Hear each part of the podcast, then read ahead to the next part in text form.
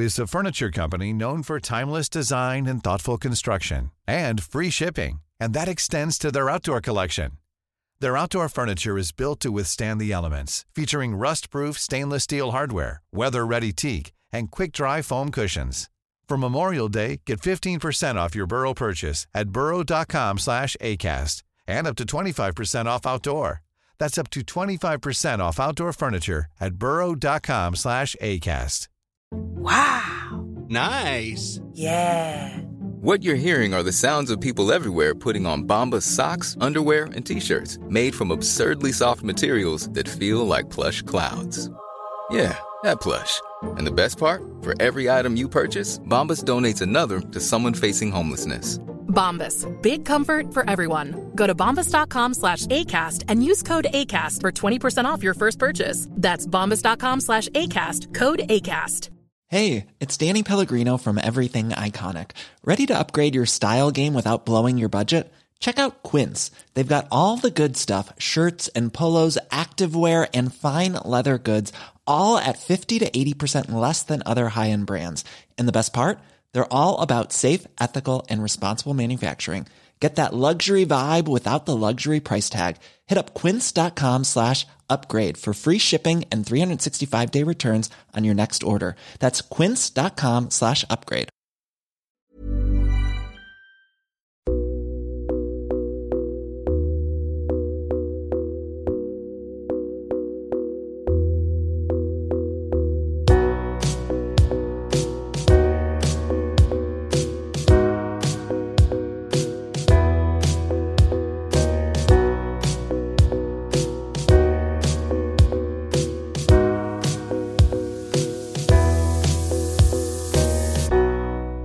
Du lyssnar på Säg vad du vill Åland, en lokal podcast med fokus på fria samtal. Jag heter Jannik Svensson och producent för podden är Didrik Svan. Vår podd består av mastodontsamtal. Vi vill ha långa samtal eftersom vi då får chansen att verkligen gå in på djupet. Idén är att fokusera på fria samtal. Det här är ingen debatt eller någon form av duell där det finns en vinnare och en förlorare. Det här är ett samtal där vi lägger fördomar åt sidan och där målet är att minska polariseringen. Vi tror att öppenhet är grunden för det demokratiska samtalet och vi vill uppmuntra dig som lyssnare att välja att exponera dig för samtal med någon du inte håller med om, hur triggad du än blir. Det kommer att diskuteras en hel del politik i den här podden och för att du som lyssnare ska slippa tänka på var jag som programledare står politiskt kommer jag att med egna ord redovisa det för er. Jag tror på öppenhet även för min del. Min politiska bias, mina glasögon och min ideologi är frihetlig liberalism och jag är aktivt engagerad i politiken. Jag kommer att göra mitt bästa för att min partiskhet inte ska lysa igenom mitt uppdrag som programledare i den här podden. Men eftersom ingen människa kan vara objektiv så hoppas jag att ni med den här informationen kan åsidosätta mina eventuella brister och misstag. Det här avsnittet presenteras av Webax, hemsidor och innehåll. Jag heter Jannik Svensson och du lyssnar på Säg vad du vill Åland.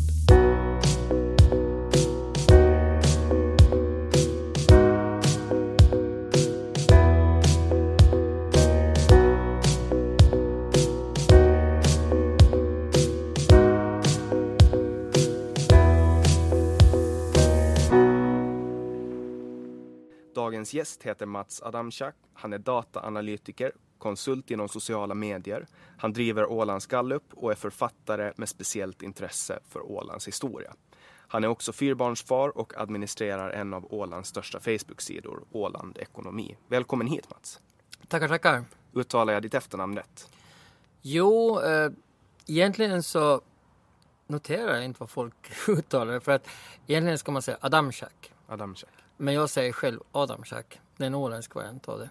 Och du är van, precis som jag, med många olika variabler på ditt namn kan jag tänka mig. Jo, Varianter heter det. Jo, det är allt från Adam Kack till mm, Adam Chong. Det finns alla varianter. Ja, det är samma för mig. Jag får ju Jannik och Janik och Jannika och allt möjligt. Mm. Ehm, som, som jag nämnde här i början då, så, så är du dataanalytiker. Vad, vad, vad innebär det? Ehm, den kanske riktiga titeln är data scientist. Ehm, men det är ju väldigt nära besläktat till en dataanalytiker. Skillnaden är att en dataanalytiker så mest analyserar. Men en datascientist har egentligen också eh, ansvar för att visualisera så att eh, andra kan analysera. Ehm, det är kanske en tolkning av det i alla fall. Och eh, det fanns en brittisk journalist som sa det här väldigt bra. Han sa att en, eh, att veta att eh, tomaten är en frukt är kunskap. Att veta att man inte ska använda den i en fruktsallad är visdom. Och det är väldigt mycket som ligger i det om man ska analysera. För att väldigt många läser rapporter upp och ner eh, utan att egentligen fundera efter vad det betyder, innebär. Men en analytiker så måste faktiskt fundera från alla håll och kanter. Mm. Och det här har du omsatt i praktisk handling genom att eh, starta det som väldigt många känner till och det är Åland Gallup. Jo, eh, det råkar nog bli en bieffekt av det här egentligen. Eh, jag jobbar ju mycket med statistik eh, och analys. Ehm, men sen satt jag och pratade med en bekant, Jörgen Strand, att vi tyckte att det saknades någon typ av gallup eller opinionsundersökningar hur partierna står sig på Åland. Och eh, då blev jag förstås lite fundersam på hur skulle man kunna göra det. Och det som är kanske lite kontroversiellt är att jag använder Facebook som eh, insamlingsplats. Eller egentligen är det mest för att verifiera vem det är.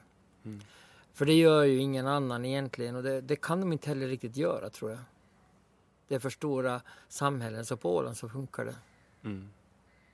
Och, och galluparna kommer i, tillsammans med Nya Åland en gång i månaden, i slutet på månaden? Ja.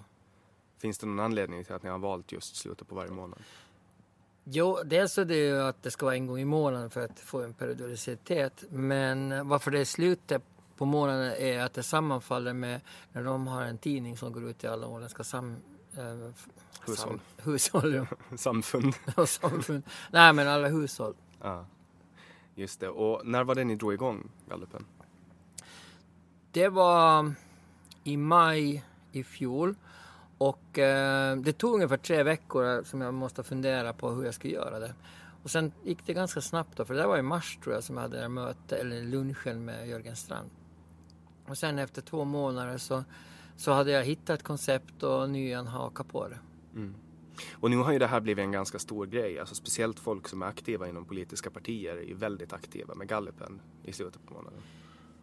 Ja, ehm, jag tror att de faktiskt börjar bry sig mer och mer. Och en ganska viktig grej för min del var ju när Göran Djupsund eh, blev intervjuad i Nyan.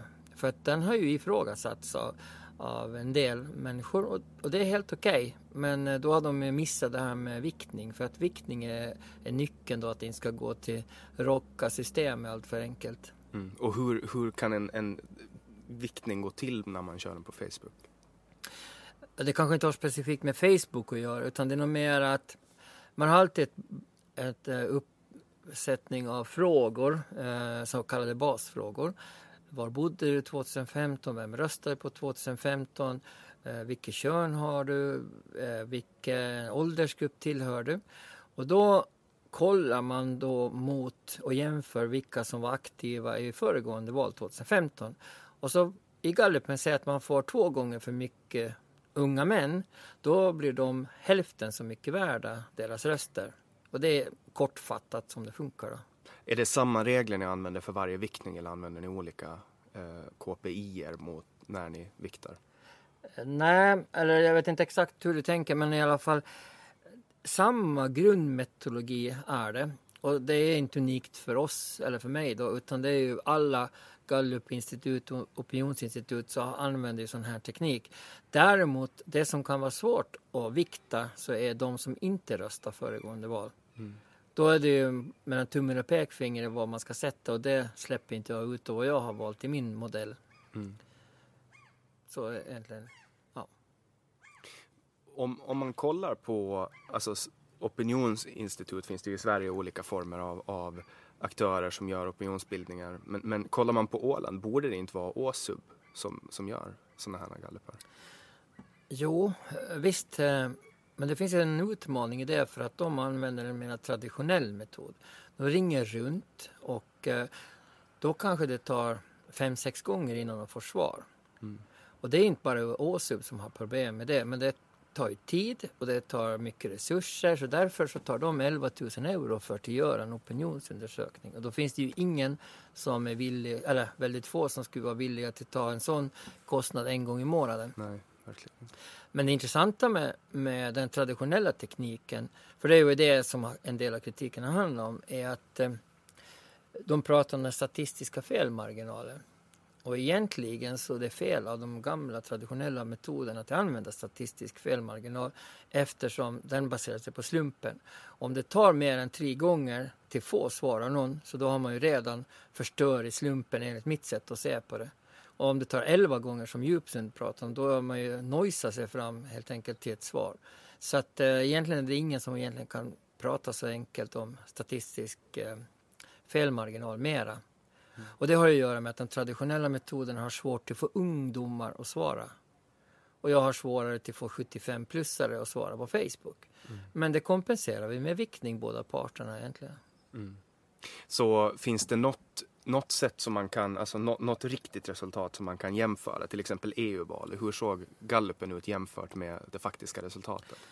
EU-valet, eh, så där så fick eh, Nilsson 68 procent om jag kommer ihåg och jag hade 64 procent i gallupen. Uh, så det är fyra procentenheter och det är ganska mycket på ett sätt. Uh, men det var två veckor före. Uh, så då kan det ju vara att de sista två veckorna så bestämmer sig osäkra väljare. Mm. Och det var kanske 15-20 procent som var osäkra. De vet ju inte jag vad de vill ha. Eller?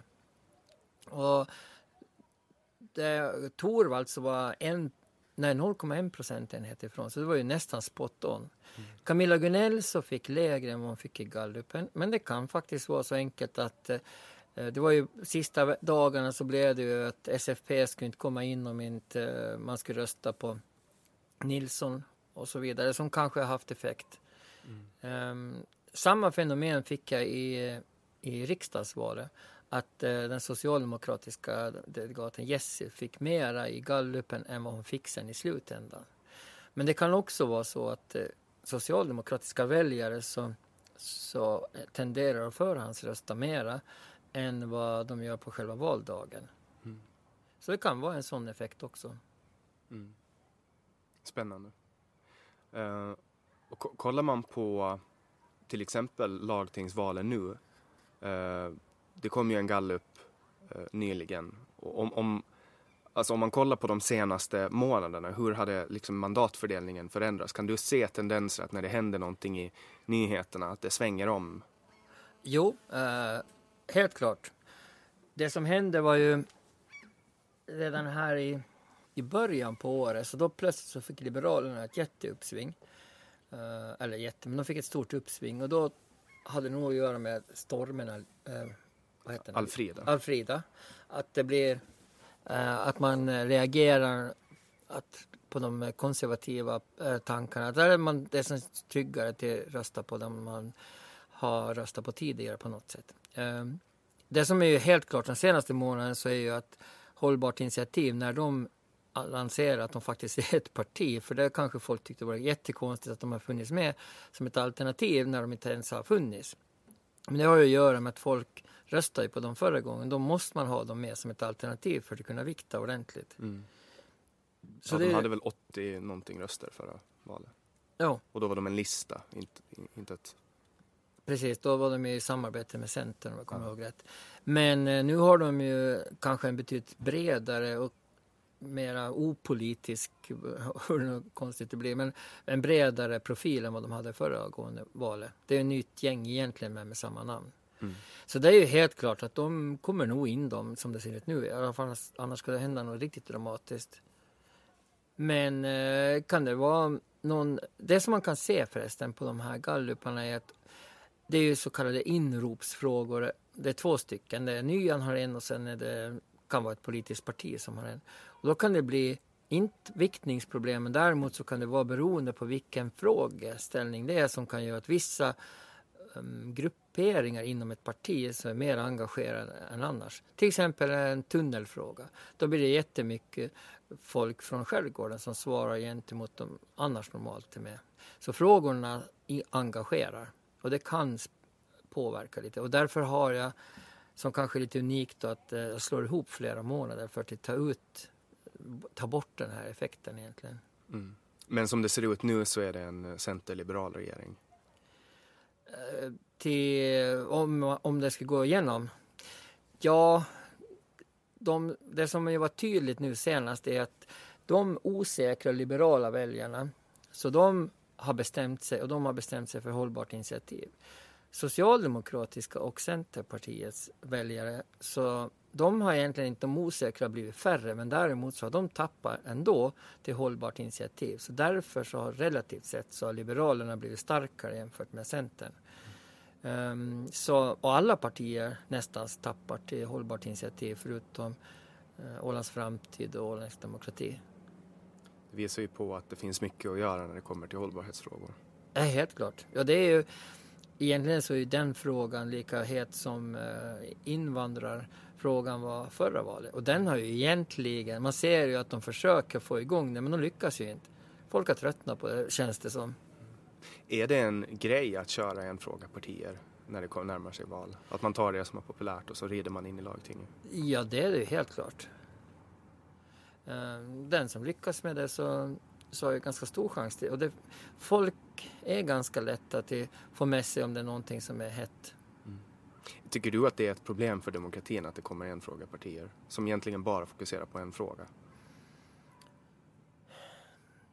Ja, på sätt och vis. Om det, om det blir för mycket fokus på en enda fråga så är det ju inte bra eller? Utan det kan ju vara bra ibland eh, att det dyker upp frågor som gör att folk engagerar sig och tänker till. Men att det bygger upp ett helt parti runt, och det tror jag väl Ålands Demokrati har lite problem med nu, att i och med att främlingsproblematiken inte är så stor så då har de lite engagemang och då måste de hitta någon ny frågeställning som kan få folk att engagera sig. Ja, han har ju svävat ganska fritt, Stefan Toivonen. Ja, han har ju ett, ett antal punkter som kanske inte finns så mycket röd tråd i, utifrån sett i alla fall. Mm. Det här med narkotikan är ju, eh, var ju en liten överraskning eh, någonstans. Men den har ju varit ganska konsekvent med att ta upp den som fråga i alla fall. Mm. Ja, och det är ju det avsnittet som, som vi har fått flest streams på är det med Emelie Holmström som berör den här frågan. Alltså narkotikafrågan det verkar vara en väldigt, väldigt stor fråga. Jo, och det tror jag Toivonen förstår också. Eh, så då hakar han på då. Mm. Har du hört avsnittet med honom? Nej, faktiskt inte. För där pratar han lite om, om just om att han brukar ta på frågor som är kontroversiella. Det verkar vara en, en av hans tendenser. Ja, det är ju en taktik helt enkelt. Det är ju inte unikt för Åland på något sätt utan det är ju många partier som, som lyckas komma in på det sättet helt enkelt. Mm. Är du själv engagerad i något parti? Inte på det sättet eller. Mm. Så du, du håller dig och förhåller dig objektiv? Absolut, jag försöker vara det i alla fall. Eh, skulle jag ställa upp för ett parti, är nästan piratpartiet som har varit mig närmast eh, ideologiskt, ska jag säga. Mm. Du ligger ganska nära mig ideologiskt då? Det tror jag nog. Jag är ju väldigt liberal, om man säger det så. Det är ju piratpartiet också. Ja. Och jag, jag, jag har ju gått ut med eh, när jag gör den här podden att jag är politiskt färgad. Därför att jag tycker att, att det är skamligt att dölja sin politiska identitet när man skapar innehåll. Därför att en journalist kan aldrig vara objektiv. Det är helt mm. omöjligt. Alltså, jag har jobbat på Ålandstidningen bland annat och, och, vet hur enkelt man kan vinkla fokus mot en sak. Och, och det kan man göra omedvetet också.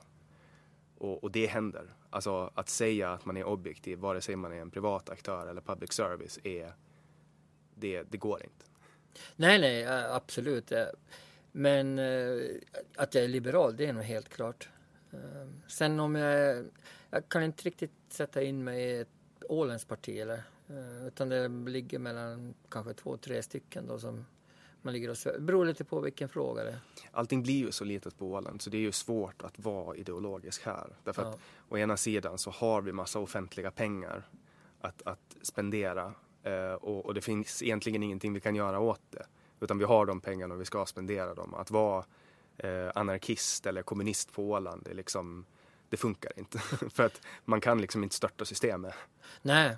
det, krä, det, det, kräver ju, de ideologi, ideologi, ideologierna kräver ju att man på något sätt ska förändra systemet i grunden och vi sitter ju liksom, nu tror jag ju inte att det är helt omöjligt att göra någonting överhuvudtaget men, men det, det är en sån sak som är förefaller för mig väldigt osannolik att det skulle bli, ske en socialistisk evolution på Åland.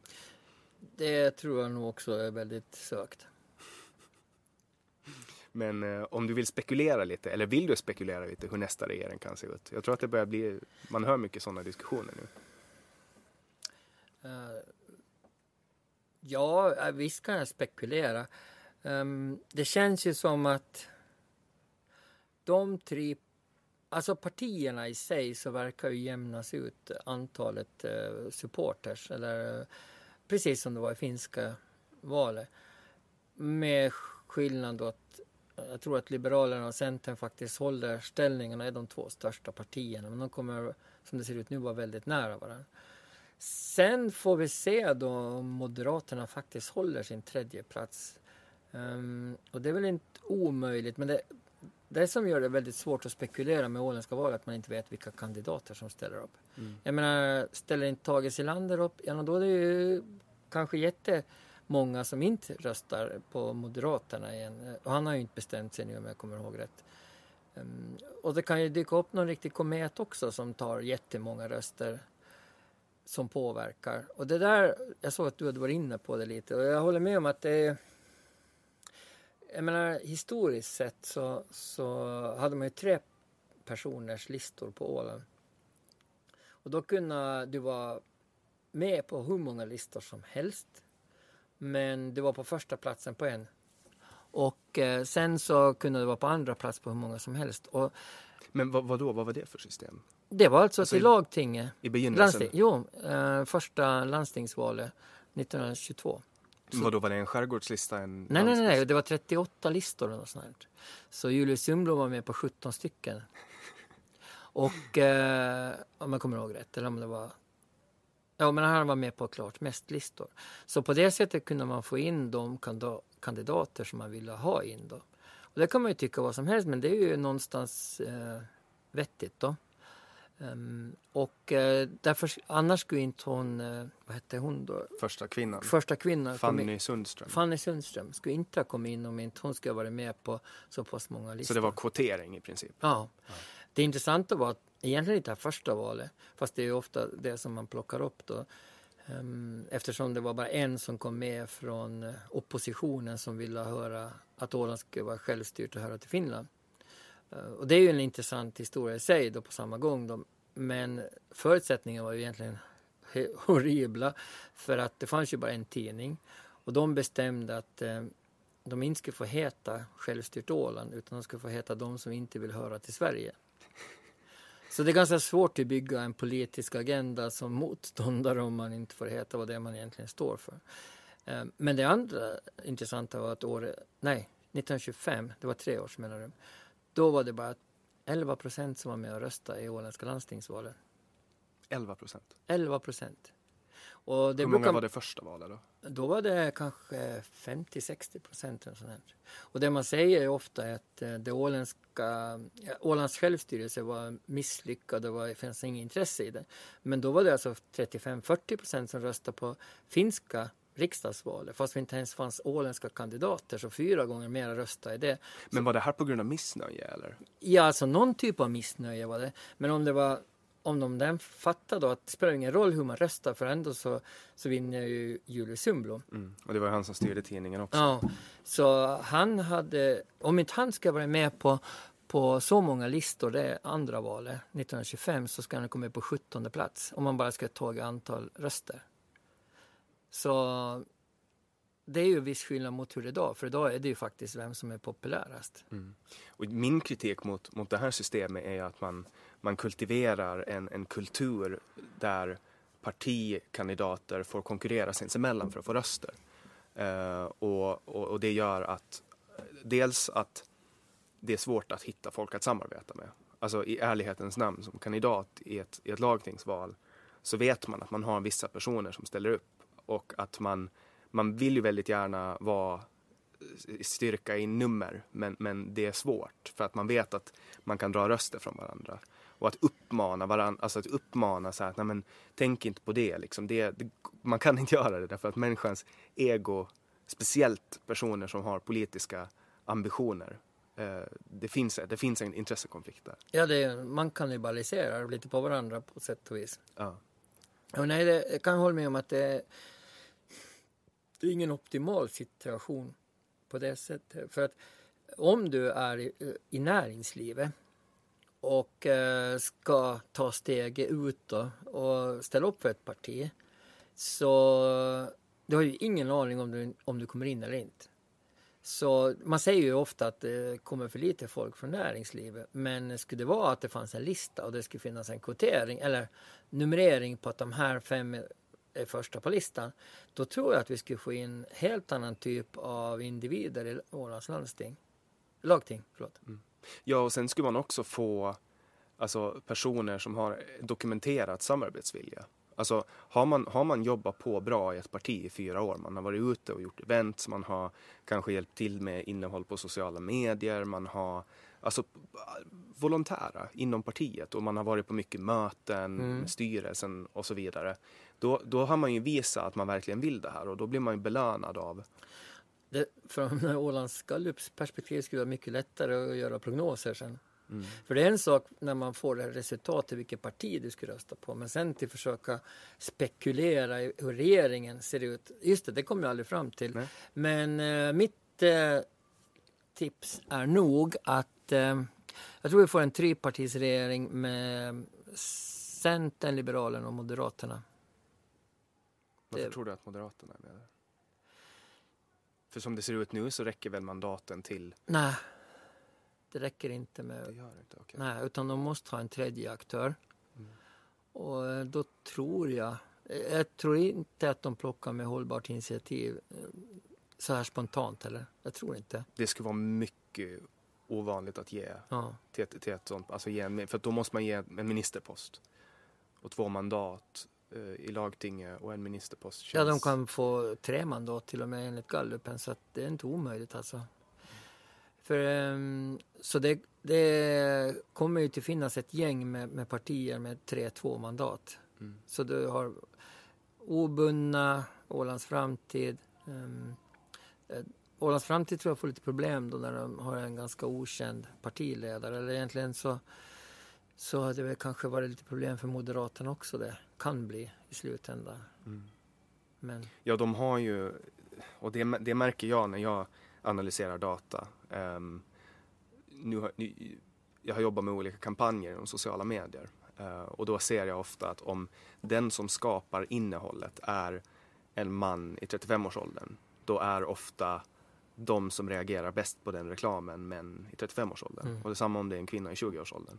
Att man på något sätt använder det språk man själv, eh, den grupp man själv tillhör och därför återspeglas det. Och jag tror att det kan vara svårt för Moderaterna som är eh, alltså traditionellt sett väldigt starka bland män mm. att ha en kvinnlig partiledare som dessutom ger intrycket, nu, nu kanske det inte är så att hon, hon är så mycket till vänster, men ger intrycket av att, att luta lite åt vänster.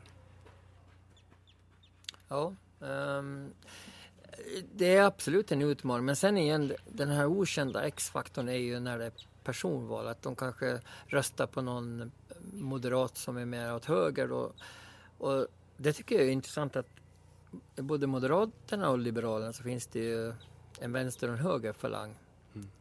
Och Centern så har vi kanske tre falanger. Jag vet inte ens vad jag ska... Det är väl Stadscentern och, och sen så har du lite Jomala-centern och sen har du resten av centern. Eh, så att det, det här med partier är ju lite lurigt på Åland. Mm.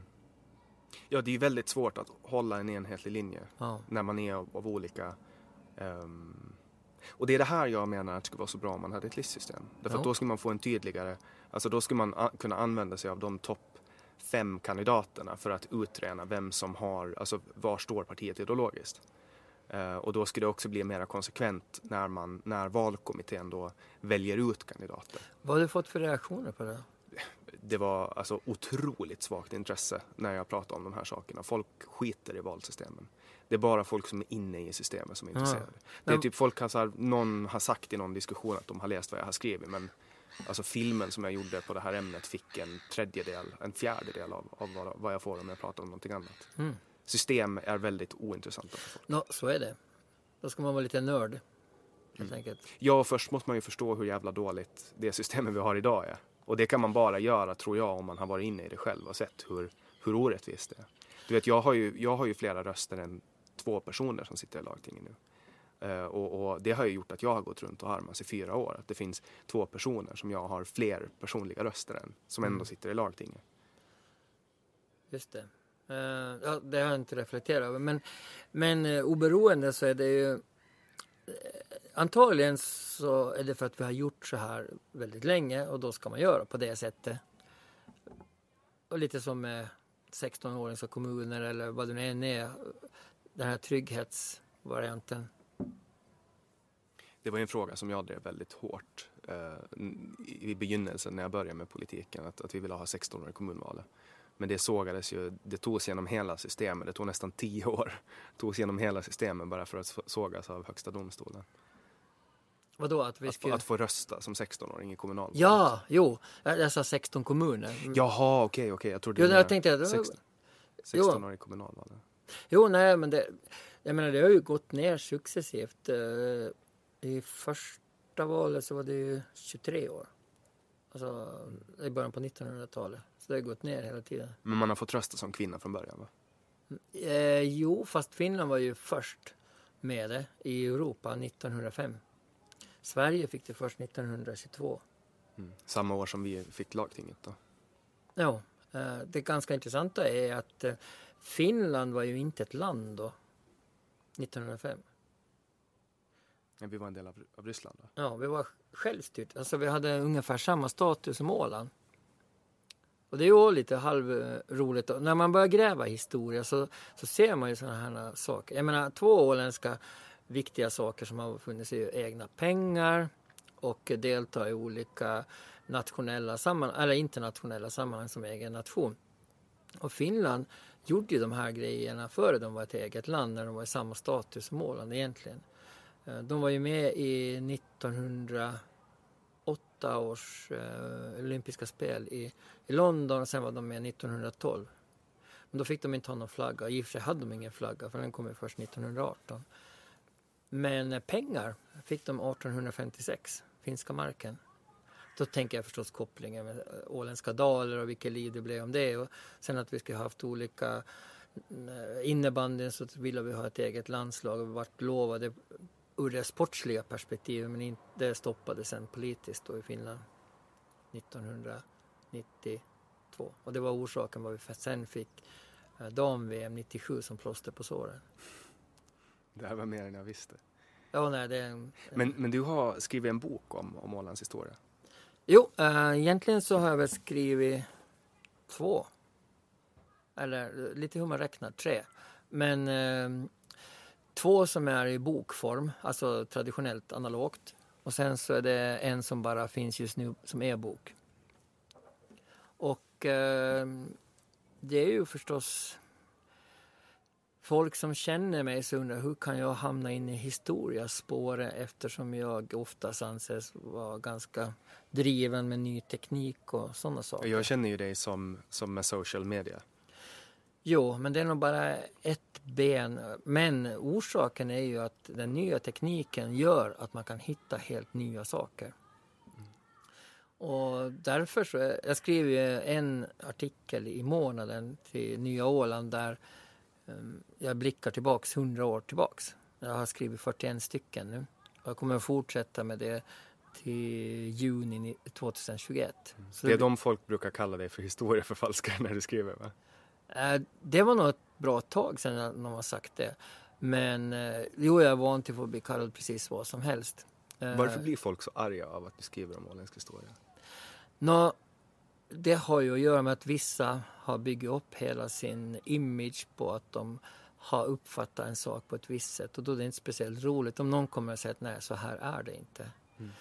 Det är väl kanske lite typiskt då att jag gör någonting och så går jag in i det 110 procent tills jag har fakta och statistik som stöder. Och så får jag faktiskt stöd från den akademiska världen. Nu har jag ju fem, sex stycken historiker som läser igenom mina artiklar innan de publiceras i Nya Åland. Och de har på 41 artiklar så har de hittat tre fel. Eller något sånt.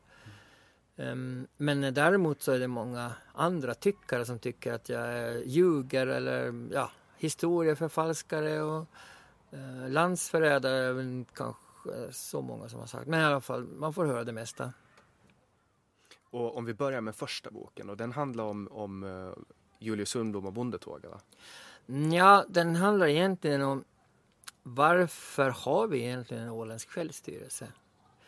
För att när jag började, det var 2014 i december, så på julen så fick jag en bunt papper av min mamma eh, Eh, som hade varit hemligstämplade fram till 1960. De har varit hemligstämplade i 40 år. Och, sånt och så frågade hon om jag kunde hjälpa henne att sätta ut dem. Eh, att Wikipedia skulle ta upp den här biten av Ålands historia. Och i mitt liv så har det alltid gnagat någonstans för det har funnits en stor ologiskhet i att vi ska vara både stolta över självstyrelsen men ändå så är vi skitförbannade att vi har den. Och, jag menar det, att vi har torska och det, det har funnits någonting som inte har stämt. Och dessutom så var jag väldigt skeptisk till att 95 eh, eller 96 procent av ålänningarna skulle vilja höra till Sverige. Och det baserar jag på något så enkelt som vad folk hejar på i ishockey. Mm. Det var inte ishockey då 1920 men det fanns andra idrottsgrejer. För att är det någonting som engagerar människor så är det vilket lag man hejar på. Jag kommer ihåg i mitten på 80-talet så var jag till Tjeckoslovakien och tittade på Finland mot eh, Sovjetunionen. Och tjeckerna hejar ju som galna på Finland för att de hatar ju Sovjetunionen.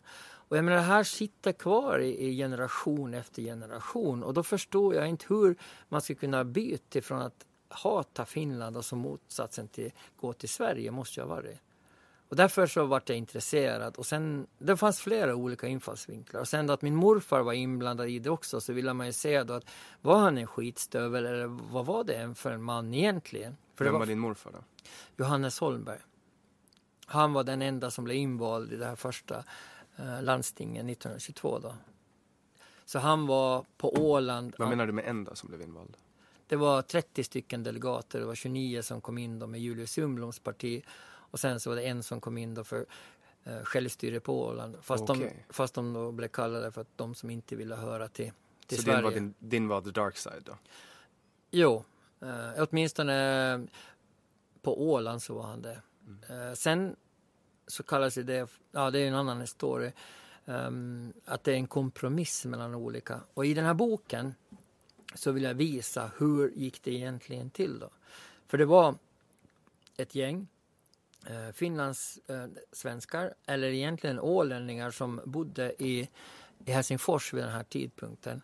Som eh, i samma veva som inbördeskriget var så började det dyka upp att Ålandsrörelsen, eller vad man ska kalla dem, ville höra till Sverige.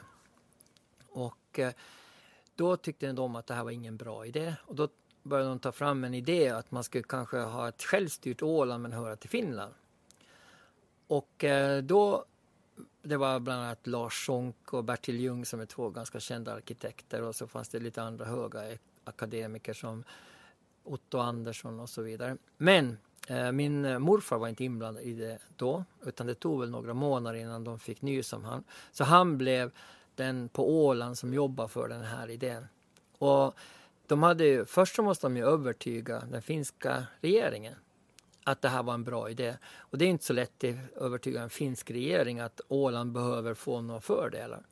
Så där, det är en ganska lång historia, men i alla fall så de lyckades först övertyga utrikesministern som var Karl Enkel. Och han tyckte att det var en bra idé. Sen blev han huvudförhandlare i fredskonferensen i Paris. Och då var det en ny utrikesminister. Och då var det en annan ålänning som hette Jim Östling som for ner till Paris, som inte är alls speciellt känt. Och han lyckades tillsammans med Karl Enkel övertala den andra utrikesministern, eller den nya utrikesministern, finska. Och tillsammans då så försökte de övertyga den finska regeringen, men det gick inte. Men sen så var det en fransk pre eh, president som eh, uttalade sig pro-svenskt, åländskt. Eh, och då fick det fart på finnarna och så tog de fram en, en ny kommitté som heter Tullenheimo-kommittén, eller de ändrade en existerande kommitté och där kom min morfar in i den kommittén då. Och då hade de ju redan ett färdigt förslag för en åländsk självstyrelse och den så pangade de in den till riksdagen i Finland och då blev det jättemycket jobb. Ehm, de jobbar emot den, eh, finska riksdagen. De ville ju inte ge ålänningarna några fördelar. Men till slut så lyckades de få igenom den där ehm, lagen. Eh, den var lite bantad och sen så skulle de presentera den för, för Julius Sundblom och gänget. De vägrade ta emot den för de ville ju inte. De ville ju höra till, till Sverige. Och vad som inte kommer fram i boken jättetydligt, för jag hade inget bevis för det, att uh, Julius Sundblom och de så fick ju pengar för att Åland skulle komma till Sverige. Så det var, de har köpt och det är inte jättekonstigt egentligen att det är pengar som styr sådär. Så det, Men det var för att svenskarna ville ha territorium? Svenskarna ville ha Åland, helt klart. Det här visste ju alla om, så tyskarna erbjöd Åland till, till Sverige fyra gånger under första världskriget. Finnarna erbjöd Åland tre gånger för att de skulle få hjälpa svenskarna för att eh, frigöra sig från Ryssland ett par gånger och, av olika sätt. Engelsmännen erbjöd Åland till Sverige och eh, Eh, även ryssarna erbjöd, alltså alla erbjöd Åland egentligen. Ehm, men svenskarna ville ha dem, eh, Åland för gratis. Man ville inte betala det för det fanns ju ett pris om de skulle ha fått det av de andra länderna. Mm. Och i alla fall så blir det en internationell fråga och då gäller det inte bara att övertyga finska uh, myndigheterna för då har de lyckats med det eftersom de har fått igenom den lagen. Och då kommer ju frågan så småningom upp till Nationernas förbund och då är det tre stycken rapportörer som kommer från NF som det hette då, upp till Åland och då eh, lyckas man från eh, självstyrelsegänget där Johannes Holmberg var med dem övertyga dem att den bästa lösningen är faktiskt det som man skissade redan 14 maj 1918 då. Så de tre rapportörerna tog fram den lösningen då och gav det som förslag till eh, Nationens förbundsråd som var åtta olika nationer och de klubbade igenom det 8-0. Och det måste vara enhetligt, annars skulle det inte ha blivit. Och det har ju aldrig hänt varken förr eller tidigare. Så det här var bara timing att de lyckades komma åt de här rapportörerna? Nej, rapportörerna visste om det här gänget. Så de tog ju kontakt med alla olika parter. Då. Svenskarna fick uttala sig och, och finnarna och sen uh, Julius Sundblom och gänget. Men, uh, och även då den här Ålandskommittén som hette. Så de lyckades lobba igenom hela frågan, både i Finland och sen då även internationellt. Och det är det den här första boken handlar om. Och artikelserien så är samma sak, men den är en fördjupning av det som jag visste 19, äh, 2015. Mm. För nu har jag hittat så mycket mera nytt material eh, tack vare att de släpper nya saker nästan varje år digitalt som går att söka som inte fanns för tio år sedan fanns inte en skugga till att hitta grejerna. Typ landskapsarkivet då eller? Ja fast, eh, nej inte landskapsarkivet. Visst finns det mycket där men det är inte så mycket digitaliserat. Men det, till exempel Svenska Dagbladets eh, nyhetsarkiv är guld värt. För där så kan man ju söka på ett ord. Det var så jag hittade till exempel den här helt okända spionhistorien som var min andra bok som heter Vägafinnarna.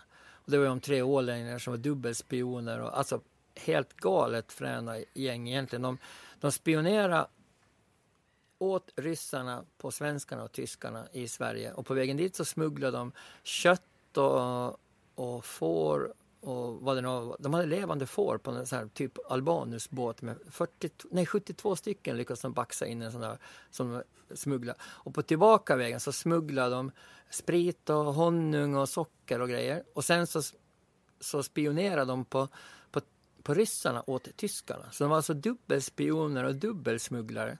Men de höll ju ett halvår, sen åkte de dit. Vad hände med dem sen då? De eh, hamnade i fängelse. Och släkten, bland annat Flodins släkten, hade ingen aning om vad som hade hänt. De trodde att han hade flyttat till USA. Mm. Så fick de höra hans historia då, för att jag hittade ju polisprotokollen då, tack vare den där lilla an, artikeln i Svenska Dagbladet. Bok nummer tre, den är som är e-bok. Mm. Det är om eh, Johannes Holmberg, min morfar alltså. Och där så tänkte jag göra ett annat, en annan approach då, att jag skriver den inte klar, 100% klar, utan jag släpper den som e-bok först. Och sen så under tiden när jag hittar nya saker så sätter jag på det i den e-boken. Så den får växa fram då under resans gång. Typ som en open source-ish. Att folk Ja, kan komma med det- feedback och så. Eh, Ja, fast framförallt så hittar jag så mycket nytt då. Och jag har ju hittat massa nytt som jag inte har satt in i den här e-boken. Men man lurar ju inte köparen för att det som är bra med en e-bok är att när de nästa gång öppnar boken så kommer alla uppdateringar med. Just det. Men det är förutsatt att man köpt den på någon speciell plattform? Eller? Jo, jo den, eh, först så hade jag ju på Apple och sen så eh, för en månad sedan så fick jag access till Google Play. Och det har varit lång väg till att få Google Play för att de har inte släppt in några nya aktörer på säkert fem år. Därför att de har en helt annan ideologi än Apple. Eh, av den orsaken att de inte har folk som riktigt kontrollerar innehållet, eller haft. Så då vart det en massa skit som kom in då och sen så blev det stämningen och grejer.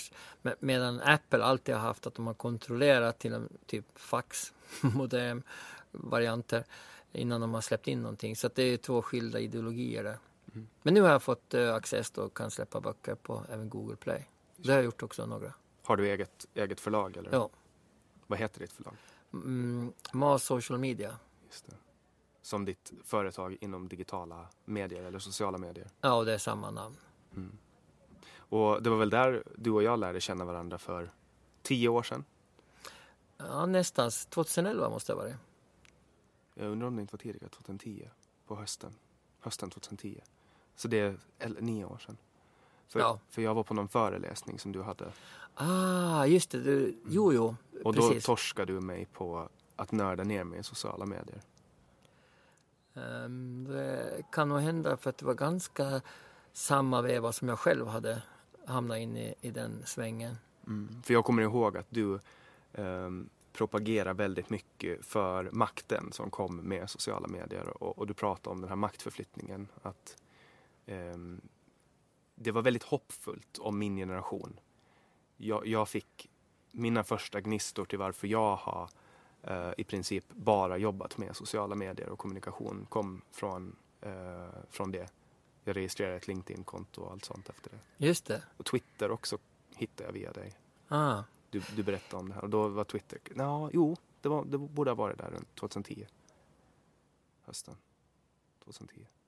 Jo. ehm, Jag kommer ihåg att, att du berättade att du hade twittrat med Yoko Ono. jo, det stämmer. Eh, och faktiskt en av mina första följare var också fotbollsspelaren eh, Ronaldo. Men det tog inte länge innan han plockade bort mig. Han, följde, han bara, vad var det här? Nu har jag gjort ett misstag. Ja. nej, men i början var väl han som alla de flesta ganska open-minded och bara hade det som en kommunikations... Eller så fanns det ju de här traditionella eh, kändisarna som bara trumpetade ut och saker och inte... Det var ju en grej till att ha så få som man själv följde.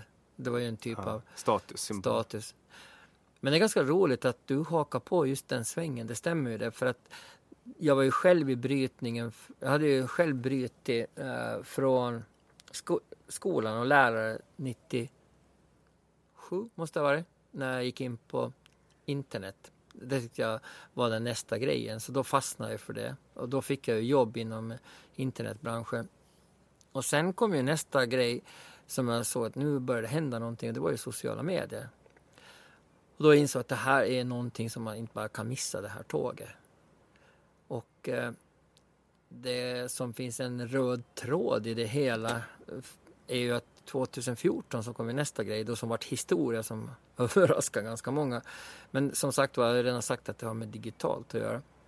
Men i varje sån här grej Vad var det 2014 då?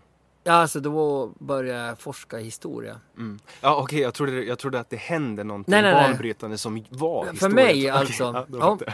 Men det intressanta är ju att i varje sån här så har jag haft strid med en och samma person.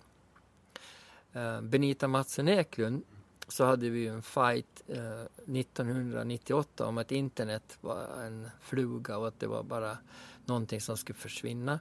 Sen hade vi om sociala medier 2009 att det var bara paller. Och sen så har vi haft vår tredje fight och då var det historia. Så på något sätt så har hon alltid varit med. Så BME är din antagonist då?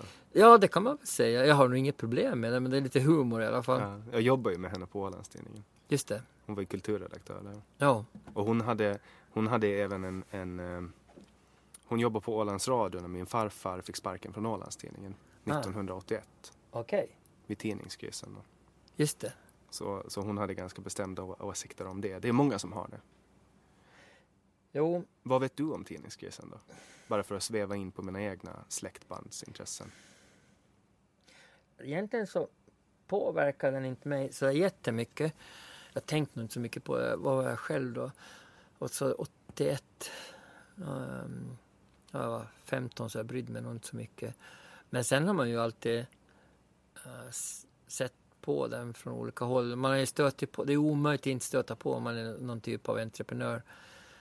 Ehm, För det var väl där Ålandstidningens monopol kom till sin slut, ja, sitt slu- slutskede när Nyan bildades. Och, och, och det, det har ju gjort Åland till ett otroligt unikt medialandskap.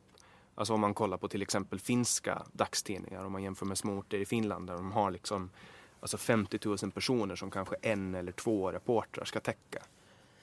Och att man slår ihop dagstidningar och att finansieringsmodellerna blir jättedåliga medan Åland har två stycken blommande tidningar.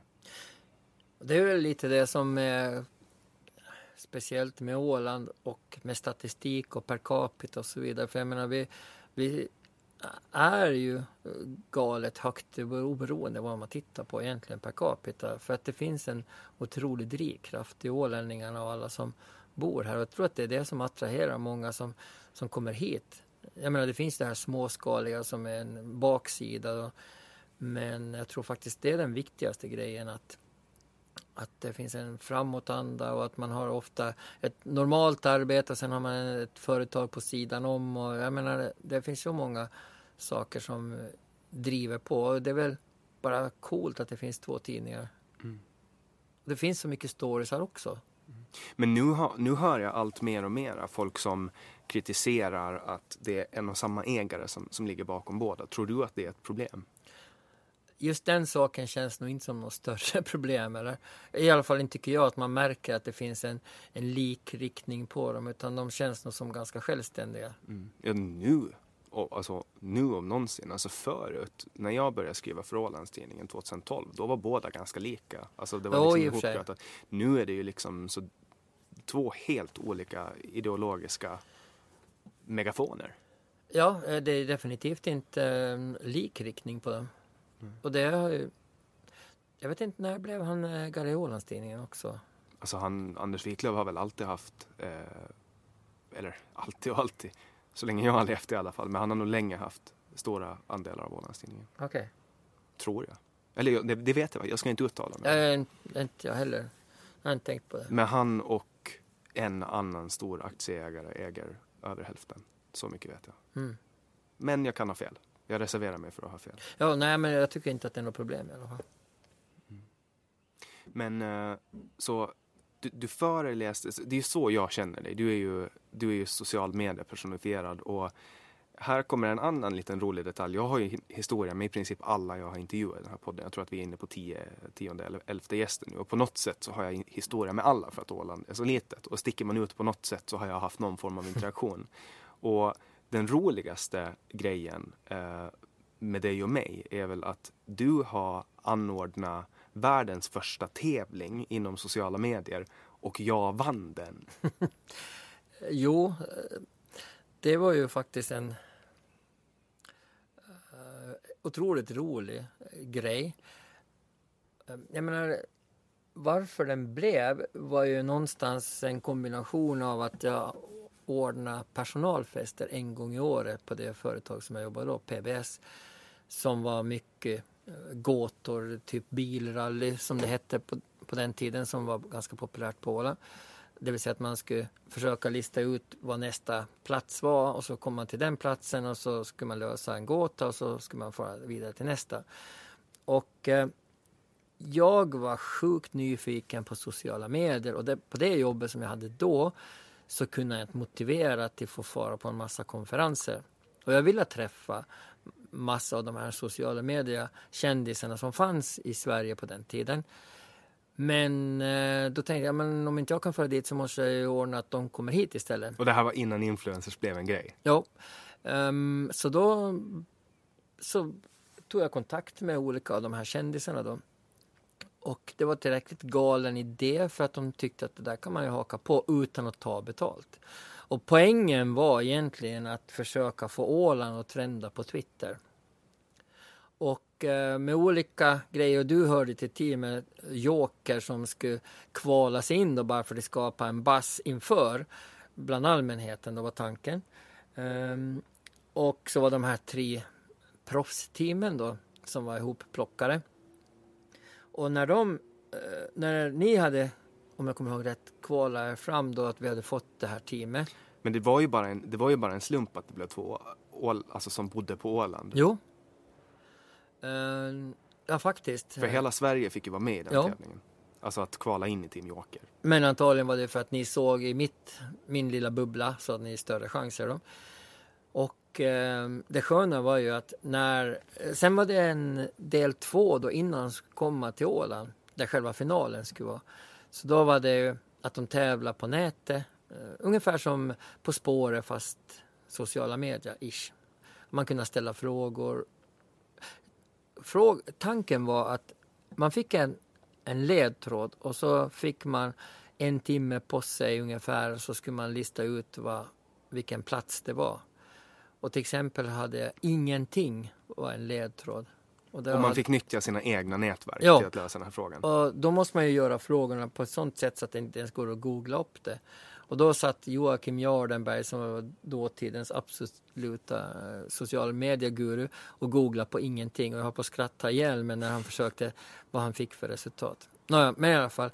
När de sen for till Arlanda och skrev på sina sociala medier, mest Twitter, då, att nu är de på väg till Åland. Så då började ju Åland trenda och kom upp då på tionde platsen. Och tanken var att det skulle bli finalen då på Åland som det skulle komma upp då, Twitter. Men eh, då hade den redan lyckats på kvällen och då så började folk fråga varför trendar Åland på Twitter? Och då var den ännu högre. Mm. Så den höll ju på att trenda i i 48 timmar Åland då på Twitter. Så uppdraget var egentligen uppfyllt innan själva finalen var. Och den tog ju ni hem då. Och eran teamleader Karin, så hon måste nog ha den största vinnarskallen jag träffat på någonsin tror jag. Det har gått bra för henne i sin karriär också efter det. Eh, Hon, jobbar hon har väl jobbat med Scandic, eh, sociala medier. Jo, fast det var andra Karin det. Var det andra Karin? Jo, det fanns ju tre Ja Karin. jäklar, tre Karin alltså. Jag var ju 17 här. Just det. 16 eller 17 Jo, när det här gav sig. Men, men det som gjorde att, att jag klarade mig var ju att, att när jag bad folk om saker på internet så hade ju jag en så mycket större fördel än alla andra därför att jag hade ju ett enormt nätverk eh, av aktiva personer. jo. För att det här var ju i Facebooks vagga måste man väl ändå anstå sig att säga 2010. Folk var otroligt aktiva. Jo. Och det var mest unga. Jo, bland de roliga grejerna var då, när allting var avslutat så var det Lill Lindfors var ju med. Det var ju en av de här grejerna, uppdrag. Man skulle få någon... Vad var det man skulle göra? Man skulle ta en... Jag kommer inte ihåg exakt vad hon skulle göra. Eller vem som skulle... Man skulle ha en kändis och göra någonting. Och då så tre timmar efter att finalen var avslutad då kom ju plötsligt en klipp då någon som har fått Lill Lindfors till, till berätta någonting på och filmsnutt. Och den finns ju dokumenterad på Storyfy. Där finns det, men det var länge sedan jag var inne och tittade på det. Det här var ju väldigt kul för att många av dem, eh, jag fick ju hänga med de här personerna i, vad var det, två dygn Ja. som de var här på Åland och alla som var med jobbar på något sätt med sociala medier idag och eh, har otroligt tunga poster, alltså opinionsbildningsmässigt eller inom stora företag. Alltså Emanuel Karlsten var med och han är ju jättestor idag på Ja. eh, sociala medier och Sofia Mirjamsdotter. Och att vara bland de här människorna, nu kommer andra saker, och det här inser jag as we speak. Eh, det var faktiskt de människorna som fick mig att börja söka mig in i nyhetsvärlden. Jag hade alltid haft en, en, en svag hunch av att jag en, en dag skulle börja skriva eller jobba med sociala medier. Men det var att vara med dem i en helg som fick mig att ta action. För det var när jag var 17 som jag började söka jobb på tidningarna. Just det. Och när jag var 18 då så fick jag jobbet. Så att det har påverkat mig väldigt mycket. Det. Ja, det var en rolig upplevelse faktiskt. Sen var det en uppföljare också sommaren efter när ni tog Albanus. Och så gick ni in på det här gamla, eh, något av de gamla näten och byggde upp en wifi-router i masten. Jo, det- var ökampen. Då var vi med Albanus ner till, till Blekinge, till Kärö som samlar ungefär 400 av eh, många social media-profiler i, i Sverige. Då. Ett nördkonvent. Ja, helt klart ett nördkonvent. Men det var nog också... Man får den här hippie eh, känslan av det som hände ganska mycket där 2010, 2011, 2012. Att man skulle göra för den goda sakens skull. Det var inte så mycket för eh, egen karriär eller någonting sånt. Och då var ju fortfarande Twitter och Facebook ganska trevliga miljöer. Det var ju inte mycket tjafs på det sättet. Utan eh, Det man var var... lite kontroverser men folk var ju inte elaka som idag. Nej, nej, nej, utan nu vill man ju precis vad som helst. Ehm, och eh, året efter så hade vi ju en, den tredje och den sista som heter Puff Charity. Och det här var ju orsaken varför jag hamnade in på Puff egentligen. eh, när de såg när jag hade uh, Ökampen. Så hette den va? Ja, första. Först hette Ökampen, ja. Ja. Just det. Och andra hette någonting annat. Eh, jo, nu kommer jag inte ihåg. Seglarkamp. Nej, Nej. Ha, eh, andra hette Puff Charity. Havskampen kanske. Ja, men Puff Charity var den andra. Det var den andra. För det var då jag blev anställd på Puff. Men den tredje hette eh, Havskampen. Mm. Och då var det ju två båtar som startade. En från Åland med ett gäng och sen så var det ett annat gäng som startade från Göteborg. Och så träffades vi som final då. Då hade vi mellanlandningar då på olika orter då i enligt eh, den svenska kusten. Nu äter din katt flingor Ja. som fällde Ja, det var ingen hit. Det var ingen hit. Nej. ja, så då träffades ni nere i, i, på det här nördkonventet. Ja, det var finalen det. Och då drog vi in, så, eh, samlade vi in pengar för, för fackcancer bland annat. Mm. Eller det var grejen. Och det var nog den kampanj som vi fick mest eh, eh, artiklar. Vi hade Puff Charity, så då hade vi kanske sex stycken artiklar totalt sett. Men med Havskampen så hade vi 70 organiska artiklar i Sverige. Varav sex första sidor. Jag kommer ihåg att jag skrev, det här var det 2014, 2013. För jag skrev en artikel om det i Ålandstidningen. Då jobbade jag Just det. på tidningen. Men, men, eh, så det här var din väg in till Paf där du då började jobba med sociala medier bara ganska brett eller? Hade du en, nischad linje redan från början? Jag var nog... ehm, man kan säga att jag var event och sociala medier. Det handlar ju jättemycket om att inte storytelling utan storybuilding. Det vill säga se till att folk skulle berätta våran story. Mm. Det var det som också tilltalade mig eh, till början med Paf på den tiden. För att det finns ju någonting som är... Vi har ju inte fått marknadsföra oss i, i Finland på, jag vet inte, långt före min tid som det slutade. Och då är det ju intressant, hur kan man då på något sätt göra eh, överhuvudtaget? Och, eh, någonting som är ju att om kunderna berättar om oss som eh, de tycker är lite bra. Så då är det ju någonting som inte någon kan säga någonting om. Och det är ju den bästa reklamen man kan ha egentligen. Så det var mycket det jag jobbade med på den tiden i början egentligen. Ge dem möjligheten och orsaken att dela vårt innehåll. Och det var genom att bygga speciella spel kring historier. För jag kommer ihåg att ni hade, det skrev jag också om en gång i tiden. Eh, Jag börjar bli så gammal att jag får säga en gång i tiden. Ja. Men, men typ med cha- vrakchampagnen så nu gjorde ni ett vrakchampagnespel där, man, där högsta vinsten var att vinna en middag med världens äldsta champagne. Jo, fast det där var inte jag inblandad i utan det var nog mera att till exempel när vi var på en Club Paff-resa så Oj, nu fick Oj. ni en katt stara lite i min Ja. podd också. Vad heter katten? han hette Junior. Där fick ni höra Mats Adamczaks katt göra ett litet gästspel. Jo, um, orsaken, eh, varf, eller vad jag försökte jobba med var egentligen att se till att de kunde dela innehållet. Och när man kommer till Las Vegas Så vad är det största problemet? Jo, det är svårt att hitta frimärken. Eller det kanske inte är största problemet, men det är ett problem att hitta frimärken av någon anledning. Och eh, hur ska man då få folk att...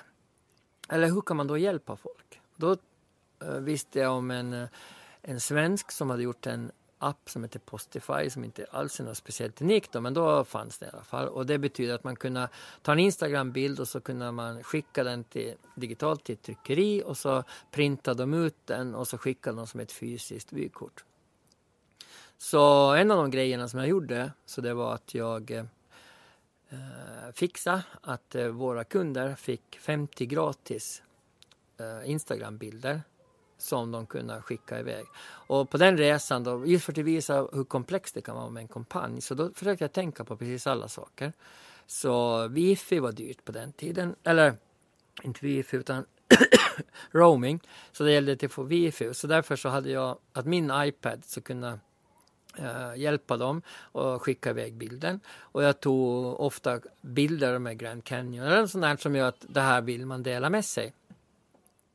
Och uh, så fick de sen skicka iväg. Hur många tror du de skickade iväg? De fick 50 gratis. Skickade de en var eller? Nej, det är inte så långt ifrån. Tre. Tre olika eller till tre personer? Tre personer. Och det var en sak som jag hade missat. Folk kunde inte adresserna. Just det. Så därför måste man tänka på precis alla detaljer. Sen följande gång, då skickar vi med före att eh, ni kommer till få skicka, ta med adressboken och då var det ju mycket bättre. Det var faktiskt en, en dam, 82 år, så hon kunde skicka till 49. För hon hade sin traditionella adressbok med. Så det är just ge dem möjligheten och orsaken att dela innehållet. Och den där är ju helt ovärderlig. Jag ser fortfarande folk som har, har, bilder som profilbilder på sina Facebook från de här Club Paff-resorna. Mm. Och det här är Club Paff, det är nog alltså när spelare får åka med Paff på olika resor? Ja, på sätt och vis. Utan eh, det har varit i alla fall att 25 personer kan vinna på olika sätt. Och det är inte att baserat på att du ska spela för mycket pengar eller någonting så, utan det kan vara att du har vunnit på en Facebook-tävling eller vad det är för någonting. Och så får de bjuda en vän. Så det är alltid 50 personer, eller oftast är det 50 personer som får.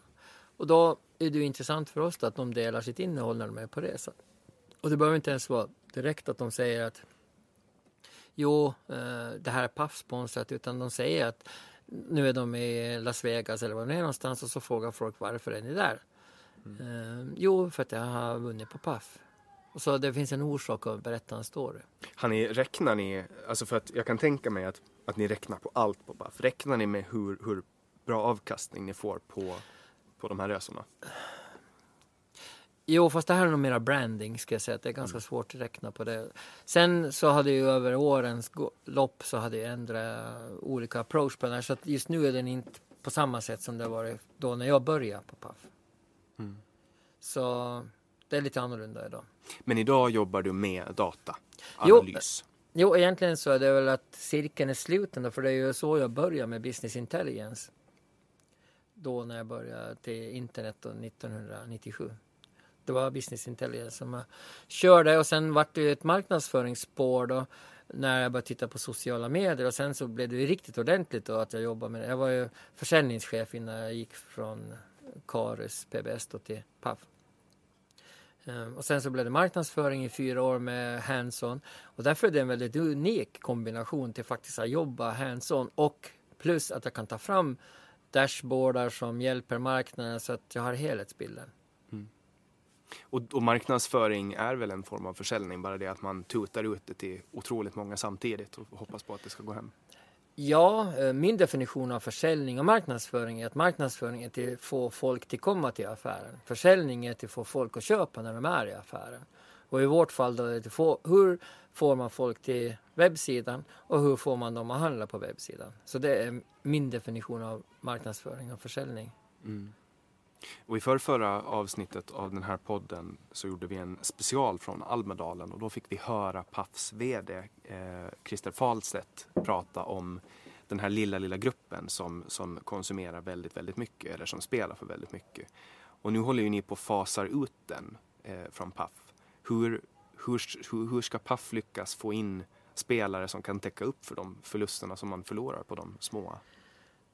Jag tror att det handlar om trovärdighet. För att vi vill egentligen inte ha dem, eller vi vill absolut inte ha dem som förlorar stora pengar. Det kanske låter konstigt men vi vill ju att folk ska ha roligt och kunna hantera det. Det är väl samma sak, jag har väl svårt att tro att eh, Indigo med Stig Grönholm vill att folk ska bli alkoholister när de kommer att ta en lördagsöl. Utan han vill ju att de ska ha trevligt där. Mm. Så det är ju ingen skillnad. Båda branscher är ju väldigt speciella. Men i vårt fall så vill vi att folk ska kunna ha roligt. För det går ju att ha roligt. Bara man kan hantera det. Men tror du att, att ni kommer att kunna täcka upp för dem, eh, de förlusterna som, som ni, eller de, den, den icke-vinst som ni gör på grund av att ni fasar iväg de här spelarna till andra spelbolag? Jag tror det. Jag hoppas det. Um, det gör att vi måste tänka annorlunda men det är inte som sagt var första gången vi måste göra det. Eller? Mm. Det känns vettigt. Mm. Och Paf, nu hade ju inte jag med dig i presentationen av dig men, men alla vet väl ändå att du jobbar på Paf. Paf är ju väldigt åländskt. Alltså för många så, eller det definierar ju på något sätt den åländska identiteten. I och med att det är den här motorn som gör att föreningslivet är så, eh, vad ska man säga, abundant, vad är det på, på svenska? Alltså överflöd, nej alltså frodande. Ja, absolut. Ehm, det var någonting jag tänkte på där som du sa först. Ehm, som jag tappade lite tråden. Men ehm, absolut så, Paf är ju en väldigt central spelare i det åländska samhället och det är en väldigt speciell arbetsplats att jobba på i och med att du, du varken privat eller offentlig. Så det blir att man är mitt emellan. Och sen har ju väldigt många åsikter om Paf, på gott och ont. Um, så att den är, och vi som jobbar där så vill ju känna att man gör det för den goda sidan. Och just nu så känns det faktiskt att vi försöker göra det. Det är mm. återkopplingen till att få bort dem som inte kanske kan hantera. Mm. För Paf var väl också först i världen med att prata om de här spelarna? Ja, eh, jag har inte järnkoll på hur det ser ut i resten av världen men, men eh, åtminstone är det väl väldigt få som har gjort det på det här sättet. Mm. Tror du att det här är ett, nu, nu känns det nästan som att jag sitter och skjuter gärna dig här eh, med, med, skarpa frågor och, och, det är ju inte tanken med det här samtalet nej, heller. Nej, nej. Men jag tror att Paf är väldigt intressant för väldigt många så vi kan ju viga några minuter åt och, och prata om det. Eh, men kanske ta ett annat spinn på det och prata lite om för man pratar ofta väldigt mycket om de finska spelarna eller de nordiska spelarna men Paf har ganska mycket kunder utomlands va? Ja absolut. Ja, vi finns ju i, i Spanien, Sverige, Estland, Lettland och uh, Schweiz. Men sen kan vem som helst gå in och spela på Paf Även om man är i USA? Okej, okay, så ni geoblockar folk? Yes. Okay. Det är de här marknaderna som är tillgängliga. Och uh, en sak som skiljer oss mot många andra, ja för det första är vi inte på Malta mm. eh, som väldigt många av våra konkurrenter är. Men om vi då pratar om de som är mera från eh, offentliga sektorn så då är de ju oftast inne i ett enda land som mm. Veikkaus. Men eh, av gammal hävd och så när vi har funnits på båtarna sedan 65 kanske, 66, någonting sånt. Så har vi ju rört oss mellan olika territorier och därför så är det väl ganska naturligt att vi är en av de enda offentliga spelaktörerna som finns på flera marknader. Mm. Men vi tävlar med de som har aktiedrivande grejer. Då, de gör ju på ett helt annat sätt då än vad vi gör. Ja, de har väl väldigt låga incitament till att uh ta beaktande de moraliska konsekvenserna? Ja, man ska väl inte prata så mycket om konkurrenter men alltså det är väl en, en ganska stor skillnad. Åtminstone hoppas jag att vi gör så gott vi kan. Då För att Paf får ju ofta mycket eh, påtryckningar från det åländska samhället om att förhålla sig till etiska eh, ja. förhållandesätt. Och, och det är väl ganska, alltså spelbranschen är väl också lite känd för hur smutsigt det kan vara. Alltså att man, precis som, som tobak och alkohol, eh, drar kapitaliserar på folks beroenden i princip. Ja, nå, om vi tar den varianten så finns det ju, jag menar ta läkemedelsbranschen. Mm. Där är det ju en stor konflikt nu mellan det som kallas för eh, alternativmedicin. Som väl egentligen, det finns ju, där finns det också en hel uppsjö mellan kvacksalvare och sådana som jobbar seriöst. Då. För där tycker jag att just den traditionella medicinen är speciellt i Finland är lite speciell då, för att där är ju, man löser ju inte förebyggande. Det är det som alternativa, de seriösa, satsar på att du mm. ska kunna slippa gå och få medicin, utan du ska ju kunna bli frisk i förväg. Um, så jag menar, där kan man ju säga att den är ju väldigt cynisk då, att jag menar om du har någonting så, så har du inte så mycket alternativ. Jag menar i spelbranschen så har du definitivt ett val någonstans. Du kan ju vara sjuk och ändå hamna dit, men du kan ju någonstans välja. Men i sjukdomsfall så har du ju sällan chansen att välja. Nej, och det är väldigt intressant. Det är en fråga som berör mig väldigt mycket. Alltså just det här med hur eh, fokus på vetenskap har blivit att man tar bort symptom på sjukdomar istället för att läka sjukdomarna. Och det tycker jag att är galet. Alltså som till exempel, vi tar ett exempel och det kan vara diabetes. Um, man, man behandlar diabetes typ 2 med insulin i första hand man säger inte åt folk att sluta äta socker. Utan man ger folk råd att fortsätta äta socker och lägga insulin på. Och det här är ju ett, ett, ett spot on exempel på det. Men det finns ju jättemånga andra. Jag tycker just det där exemplet är så spännande för det är en bekant, eller en, mina tvillingar som är tio år, så de har en klasskamrat, eller som umgås i alla fall med, som har just diabetes. Och eh, så hade vi barnkalas då på Mariebad och så har de en mätare på, på armen på killen då, så att de ska kunna ha koll på föräldrarna. Så sa jag, men det här är ju jättebra. Så berättade han ju att det här är ju ett föräldrainitiativ som är programmerare för läkemedelsbranschen stoppar ju det här. Därför att om du har koll på sakerna så behöver du inte ha insulin och det är ju pengar bort. Det är det jag menar att egentligen om vi ska ta snaskiga branscher så tycker jag faktiskt det här är den snaskigaste branschen av dem allihop. Ehm, det är ju där mycket, om vi ska prata framtid som jag kanske lite brinner för också, så är ju det här är ju kanske en av de mer spännande sakerna vad som händer med data. Eh, har du ett chip i kroppen, säg, det är inte så långt borta tror jag, så kan du ju se om du har förhöjning av någon typ cancerogena gener och så istället för nu testa en gång i året som egentligen är meningslöst för alla människor har cancerogena gener som egentligen bara att det är defekta gener men de inte produceras ohejdbart. Det är det som är problemet med cancer. Men skulle du då ha en koll som kollar varje timme eller vad det är för någonting så då skulle du ha så mycket tidigare kunna behandla. Man hittar abnormiteter direkt. Ja. Liksom.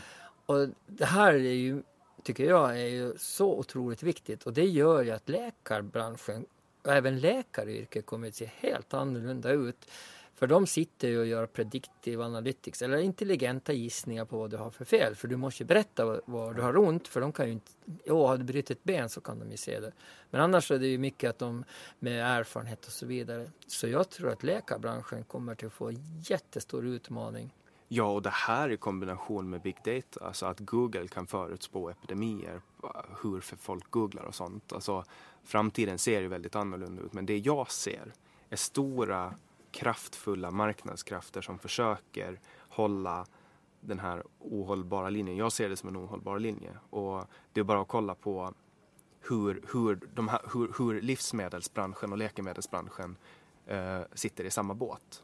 Eh, alltså, du vet, maten vi äter gör oss sjuk och läkemedlen som vi tar gör oss inte friska. Alltså, mm. det, det, är liksom att, att stoppa in pengar i, i eh, ett stort eh, ma alltså, um, matgrossist och samtidigt lägga in det i läkemedelsbolag. Det är liksom garanterad avkastning. För att maten gör oss sjuk och medicinerna håller oss så att det ser ut som att vi är friska. Men, men väldigt sällan så försöker man verkligen komma åt problemet. Det är min syn på saken. Ja, skulle man göra på samma sätt som dataprogrammerare då skulle vi inte ha mycket utveckling eller? Utan det är ju helt klart att det här är ju någonting som människor kommer att reagera mer och mer emot. Och det är ju ett problem för läkemedelsbranschen för att de är ju vana till att kunna ta ut otroliga pengar. Så att eh, får se hur länge det tar innan det svänger. Mm. Ja, alltså det känns ju som att, som att det är för, och nu, nu är vi ju kanske inne, alltså det är väldigt svårt att närma sig det här ämnet utan att låta som en foliehatt. Eh, och folk blir väldigt arga när man går och bärsar på medicinbolag. Men jag ser inte, jag ser inte som en, och jag kan bara ta av egen erfarenhet och bakgrunden till det är att du kommer kanske ihåg att jag vägde 125 kilo Ja. ett tag. Och, och det var ju för att jag åt för mycket socker. Eh, jag åt jättemycket socker. Eh, jättemycket vitt bröd, pasta och mjöl etc. Jag hade ständigt ont i knäna, ständigt ont i ryggen, jag hade ont i muskler överallt i kroppen. Eh, och jag fick mediciner för det här. Ehm, och, och jag fick även mediciner för, för psykisk ohälsa, för depression, för, för massa olika saker. Och vid en tidpunkt så tog jag 16 olika mediciner varje dag. Alltså, jag hade 16 tabletter som en liten medicinkopp så fick jag Ja. fylla upp. Och, och då satt jag där och var 18 år gammal och tittade på de här medicinerna. Och du vet, jag fick brännande halsbränna när jag tog dem. Och när, när, när vi började räkna, jag och min mamma, på det här så visade det sig att eh, två fjärdedelar, eh, tre fjärdedelar av alla de här medicinerna var bieffektsmediciner för de som jag verkligen tog. Och det blev liksom en absurd cirkel av mediciner som liksom gav bieffekter. Så jag hade hud som föll av ansikte. Det var så här helt sjukt. Och när man kollar på det, orsakerna till allt det här, så var det sättet jag levde. Det var ingen läkare som sa till mig, Jannik, du behöver sluta äta socker, du behöver öka på ditt fettintag och proteinintag, börja träna. Eh, det var liksom ingen som sa det åt mig. Och när jag gjorde de här sakerna, så slutade jag äta socker, började äta främst fett och, och protein, eh, då började saker hända. Och nu har jag inte ont i leder och muskler längre. Och nu tränar jag, nu har jag eh, inga mediciner kvar, jag har en enda medicin kvar som jag tar. Eh, och, och det är liksom bara för att jag gjorde den här livsstilsomställningen. Och skulle någon ha sagt det till mig, Jannik du kan bli frisk från det här. Men då kräver det att du köper ett gymkort och, och börjar äta vettigt Mm. liksom. Men det var ingen som gjorde det. Nej, alltså jag, jag, foliehatt, det finns ju tillfällen när de är absolut användbara. Men i det här fallet så tror jag nog de flesta, som, om de börjar kalla det för foliehattsgrejer, så är att man tänker till. Jag menar det vanligaste du får när du får till läkare så är ju Burana. Jag menar det, åtminstone på Åland så är det ju Man så. döljer symptomen. Ja, och så kom tillbaks efter tre dagar. Jag menar, det krävs ju inte åtta års utbildning för att komma med den meningen. Eller?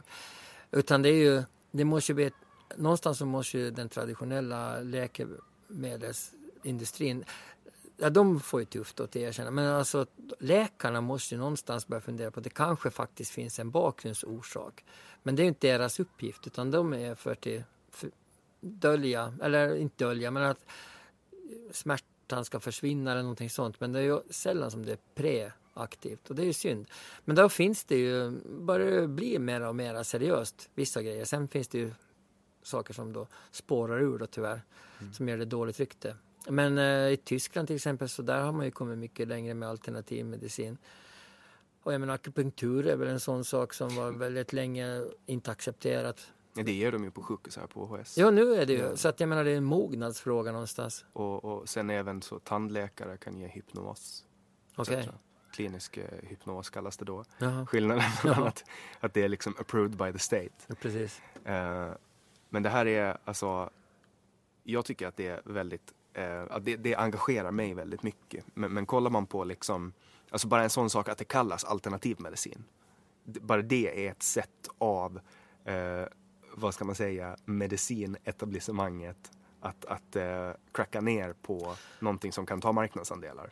Som på samma sätt som eh, Ålandstidningen skrev att de som var emot återförening till Sverige istället för att de faktiskt ville att Åland skulle vara självstyrt. Så jag menar det är ett sätt att man har vinklat det. Absolut. Sen kallar man ju också eh, de här nya medierna för alternativa medier. För att klumpa in dem i form av icke trovärdiga. Jo, ja, det har ju blivit, det här med trovärdighet har ju blivit ett helt nytt kapitel då, de senaste åren. Men jag menar, kollar man på trovärdig, vad är en trovärdig källa? De som har otroligt stort kapital i ryggen. Eller, alltså, Det krävs ju inte mycket kapital för att vara en trovärdig källa.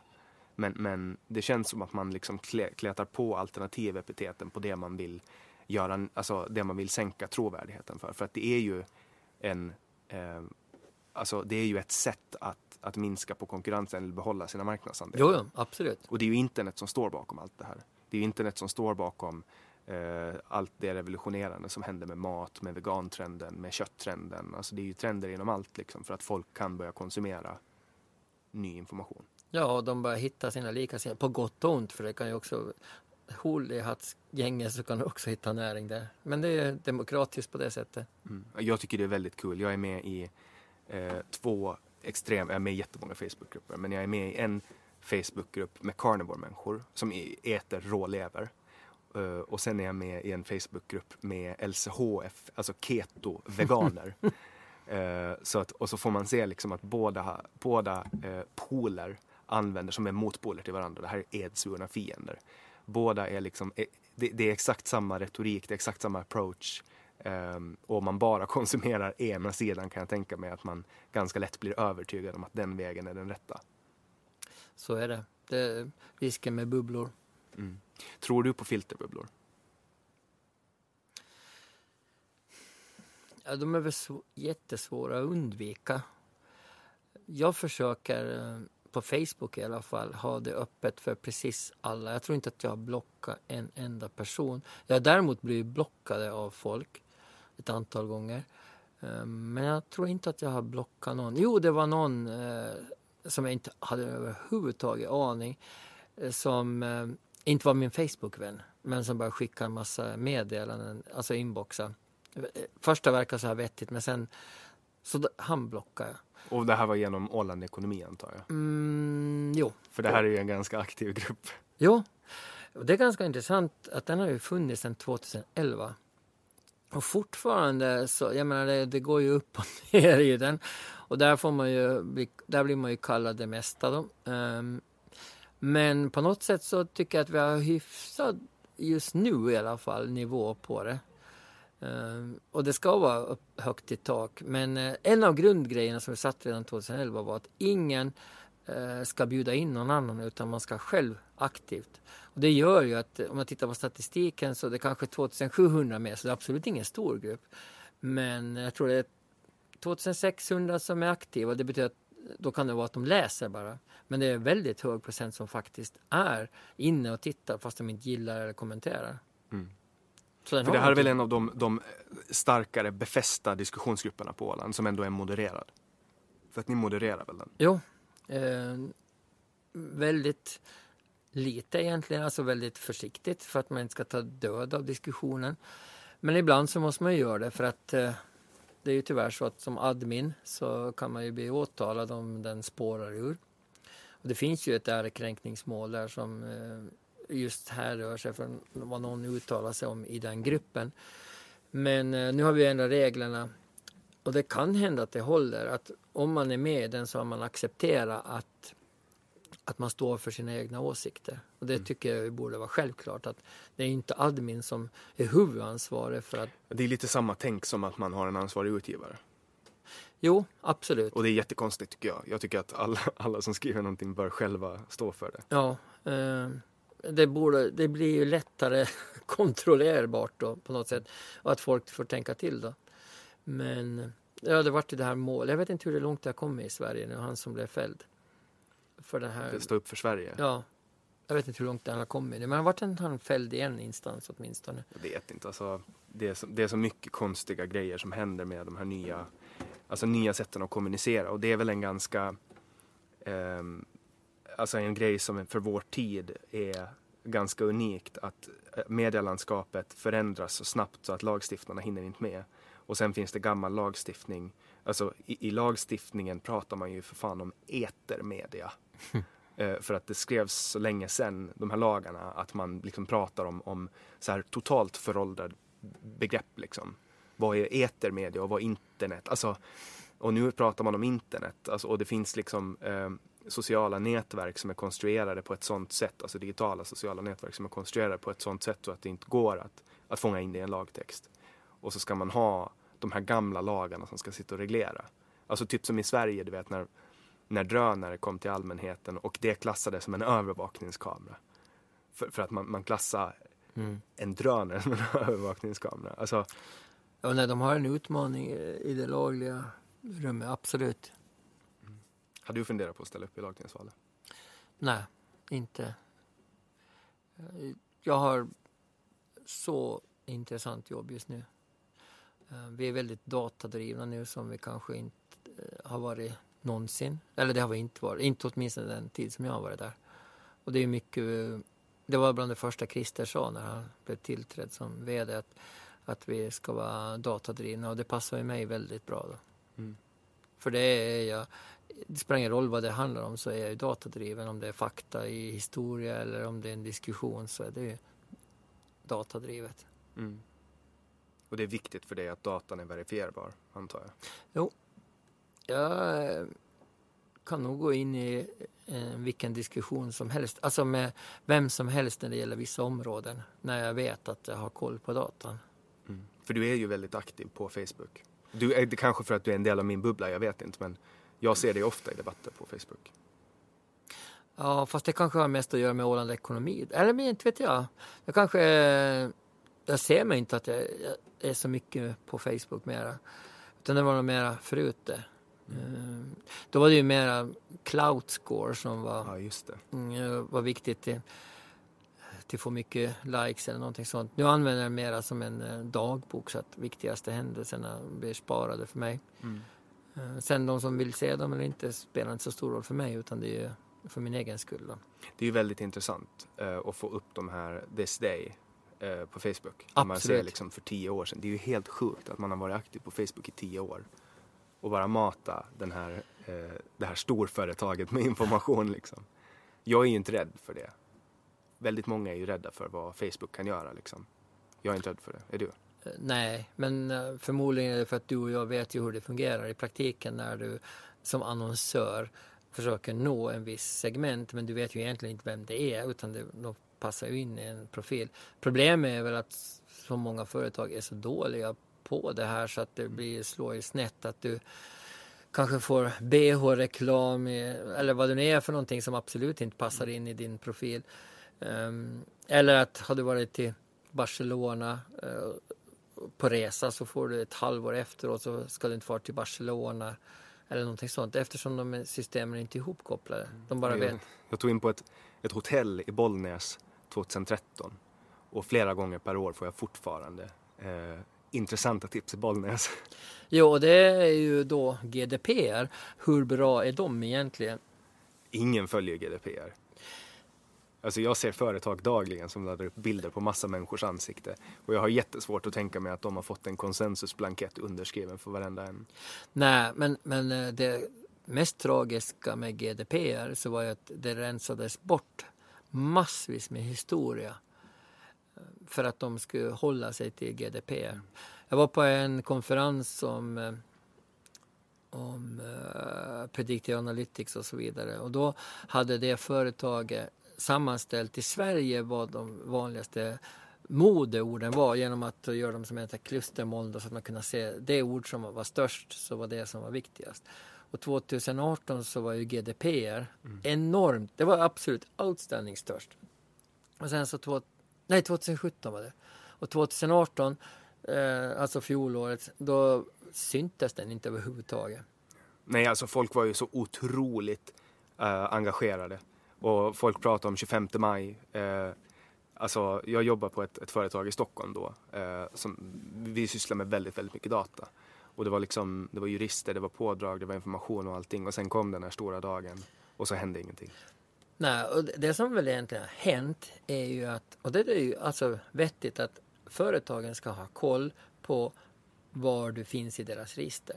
Men det gör ju att saker som de inte hade koll på tidigare om dig så måste de nu knyta ihop. För att om du säger sen att du vill ta bort så då måste man ta bort det. Men det gör ju att man måste ha ännu mera koll på och det borde ju ha varit tvärtom antagligen andemeningen någonstans. Um, Så att det är ofta så med beslut att de kanske inte blir riktigt som man har tänkt sig alla gånger. Och sen har vi ju artikel 13 som blev igen klubbad nu. Eh, Ja, just det. EU, EU förstör internet, diskussionen som har varit väldigt het nu under våren. Jo, jag har faktiskt inte grävt mig så jättedjupt i det. Jag vet bara att det är eh, otroligt tragiskt att man inte förstår riktigt hur det hänger ihop när man tar sådana beslut. Och det kommer ju bli förmodligen då så småningom då att det blir som tjänster då, som man köper typ eh, Netflix eller så vidare. Att vissa pooler så får man access till och vissa får man inte. Och där kommer det bli jätteknepigt för Google misstänker jag. Eftersom det är ju styrkan att man kan hitta vad som helst. Speciellt Facebook eh, hamnar ju i stora problem. Eller så här, Facebook har ju råd eh, med den här själva länkskatten etc. Men det kommer att bli väldigt svårt för nya företag att etablera sig. Mm. Det här var ju ett sätt, ur mitt perspektiv, eh, ett sätt för storbolag som eh, Schibsted eh, och motsvarande runt om i, i Europa att eh, behålla sitt sätt att, att eh, göra affärer på. Det traditionella tidningsannonskräng ska nu liksom, man, man, försöker, man använder sitt kapital till att påverka politiken i en riktning som, som eh, missgynnar den, den spontana utvecklingen av internet. Ja, var det sen slutar har jag ingen riktigt aning om. För jag menar, eh, det finns ju en jätteproblematik för traditionella tidningsbolag hur de ska få ut sitt innehåll. Jag menar, Eh, ett tag var det ju så att eh, den bästa lösningen tycker jag Husis hade, att man fick läsa gratisartikeln mot att man eh, delade, eh, gjorde den till, eller man gjorde den på Facebook eller någonting sånt. Ehm, men med låsta artiklar så då blir det ett problem då att då vill inte folk dela det överhuvudtaget. För då blir man ju idiotförklarad. Men sen håller ju för en, hur man jobbar på Facebook, alltså normalmänniskan har ju också ändrats ganska mycket. Man delar ju inte alls lika mycket som tidigare. Nu såg jag att Pinterest är den tjänst som man delar mest innehåll i. Eh, eller väldigt nära i alla fall Facebook. Och att Google är ju igen nu då mm, har tagit tillbaka sin plats som en otroligt viktig källa för att få tag i information. Mm. Och Google är ju bättre än någonsin. Jo, och det är ju tack vare pressen från Facebook det. För, mm. Med affärsmodeller och så vidare. Så att, eh, och det blir ju jätteintressant för Sverige då, vad som händer där med, med spelmarknaden. För att om, eh, nu har det ju blivit godkänt för spelbolagen till att annonsera i Facebook och Google om du har licens. Mm. Och jag kommer inte ihåg hur otroligt mycket pengar eh, Aftonbladet fick i eh, spelintäkter, alltså annonsintäkter. Det är över en majoritet av, av alla, all annonsomsättning kom från spelbolag. Jag tror det var en miljard kronor eller så helt galet. Och eftersom eh, Google och Facebook konverterar bättre så då kommer ju inte folk, eller spelbolagen att annonsera lika mycket på Aftonbladet eller de andra traditionella tidningsbolagen. Så de måste ju vara jättestressade. Ursäkta. Så där får man väl se då hur det går för Aftonbladet. Så småningom måste det bli en effekt. Men sen hände det jättemycket i Sverige med det var 70 bolag som hade sen så det ganska snart så kommer det droppa av nu för att det är många som får eh, böter. Mm. Jag tänker också på alltså nu, nu när allt eftersom de gamla etablerade medierna eh, blir mer irrelevanta, får man väl ändå säga, och alternativa medier dyker upp och då tänker jag allt från, från Youtube-kanaler till poddar etc. Jag tror ju på den nya finansieringsmodellen, alltså att, att man betalar frivilligt. Jag betalar frivilligt för flera olika medier som jag konsumerar. Um, och, och, och det, det, är främst poddar som jag lyssnar på och, och så har de Patreon och så betalar jag varje månad. Så jag betalar kanske 20 euro i månaden frivilliga donationer till personer som jag anser att gör bra media. Mm. Och, och, efter ett tag så kan de leva på det här. Men jag tror att, alltså, kollar man på dem jag stödjer, alla de jag stödjer försörjer sig på att göra den här formen av media. Jag tror att gör man bra media, gör man bra innehåll, då kommer folk att vilja betala för det. Och jag tror att det är framtidens betalningsmodell. Jo, för att det är ju ganska intressant vad som händer med med att ladda ner torrent så mm. sjönk ju när det kom vettiga tjänster som Netflix. Men nu börjar det bli problem igen då eftersom nu börjar Netflix och de här olika bolagen göra egenproducerade serier. Så du, du måste köpa alla fyra eller fem då för att du har tillgång till det som du faktiskt vill se. Så nu har man ju sett en ökning igen då på nedladdningar. Och jag menar ofta är det ju att om man gör det väldigt enkelt för kunden och det är prisvärt så då gör man ju det. Jag kollar till exempel på hur HBO, hur många nya de fick in när de producerade eller hade Chernobyl exklusivt. Ja, det alltså, måste ju vara mängder. Ja, jag och, och Kajsa testade 30 dagar HBO Och så kollade vi på Tjernobyl och sen gick vi tillbaka till Netflix igen. Just det. Men det var säkert en, det var säkert en vinst för HBO. Jag vet inte. Men, men så är det ju för mig också. Alltså, eh, jag kommer ihåg eh, tiden som man satt och laddade hem saker. Jag tänker inte sticka under stolen med att jag har gjort några piracy-brott som, som ung och ovetande. Men sen när Spotify kom så slutade jag ladda hem musik för att det är så jäkla mycket lättare att streama. Jo, och sen det som de... I Tyskland så var det en affärsidé till, till eh, lämna ut, eh, vad heter det, brev till de som har laddat ner någon film eller någonting sånt. Och så fick de betala 2000 euro och så slapp de domstol. Så det var en affärsidé till sätta åt. Men det sjuka är ju att de som är intresserade av att ladda ner så är ofta de som är väldigt intresserade och är kanske de bästa kunderna i slutändan. Som faktiskt går på bio mer än vad en normal människa som inte laddar ner filmer för man är intresserad av det. Och det vet jag också att det fanns som affärsidéer, sådana som hade en app som gick lite trögt. Så la de själva upp den på, på Pirate Bay för att eh, folk skulle ladda ner den gratis och sen så tyckte man att ja, det här är ju en schysst grej. Så då betalade de för det. Så det var en jättebra marknadsföringsgrej. Ja, jag vet ju till exempel hur, hur jag har konverterat um, till olika företag efter att ha uh, alltså testat på deras, alltså som, och nu pratar jag om spel, att jag har laddat hem ett spel uh, illegalt och så hade det visat sig att ah, men det här var ett roligt spel och då köper jag det på Steam. Mm. För, att, för att då har jag liksom fått testa det och gått igenom det. För att man vill ju gärna testa. Men sen där finns det också en eh, det finns någon form av, av moralisk kompass som guidar mig genom olika köp. Att om jag anser att det här är värt det, då kan jag betala för det. Eh, så, så att det där är också någon form av person. Sen finns det ju säkert de som bara laddar hem och aldrig ger någonting tillbaks. Men, ja. Men det är precis som du säger att man, att, att man är, alltså det är också ett sätt, nu är det ju inte lika irrelevant, eh, relevant att prata om nedladdningar för det är väl inte ett stort problem. Men, men förut så pratade man, det var ju den här filmen i början om du kommer ihåg att uh, you wouldn't steal a car, you wouldn't steal a handbag. Uh, så här, piracy is a crime. Um, och, och nu, nu kanske inte är samma problem längre. Men, men problemet snarare är de här exklusiva produktionerna. Men nu finns det ju, alltså nu finns det ju helt sjuka saker man kan göra på, på nätet. Till exempel om man har en dålig dator men bra eh, internethastighet så kan man streama en superdator eh, till sin dator och så kan man sitta och spela på ett superbra grafikkort. Eh, att det tar hela liksom smällen och så streamar man bara skärmen. Ja, det känner jag inte till men ja, fantastiskt. Det är helt sjukt. Och du vet, Playstation 4 så kan du gå in på Playstation Now och så kan du streama ett spel som spelas på en av deras servrar och så ser du bara liksom och då kan du, så länge du har, alltså du vet allting går att streama i princip. Alltså snart kommer du antagligen också kunna streama typ Photoshop och sådana grejer. Just det. Jag ser bara en ljus framtid när jag ser den här digitala utvecklingen medan många upplever jag ser en mörk dystopisk framtid med 1984 fokus?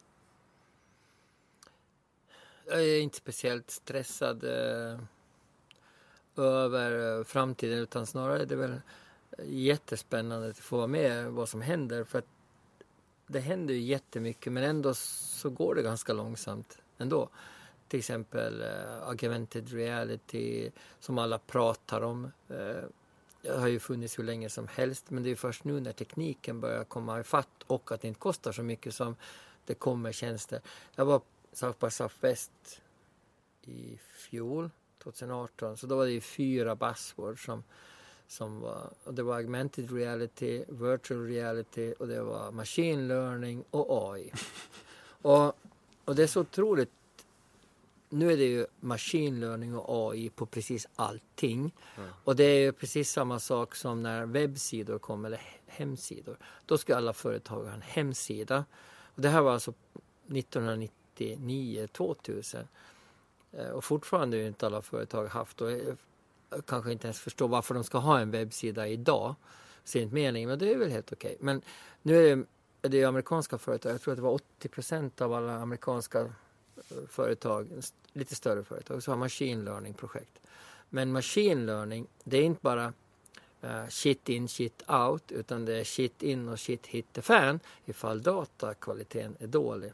Mm. Och det har vi ju haft exempel på Paf då när jag började, började titta på det här för tre år sedan. Så, så det blir ju, det måste ju finnas någon typ av människa som funderar på är det här relevant. För då hade vi ett case då där um, där vi fick in ganska många 65-åriga damer eh, i Spanien på betting. De kom till sidan men de, de eh, var ju inte att de spelade utan de bara besökte sidan. Då.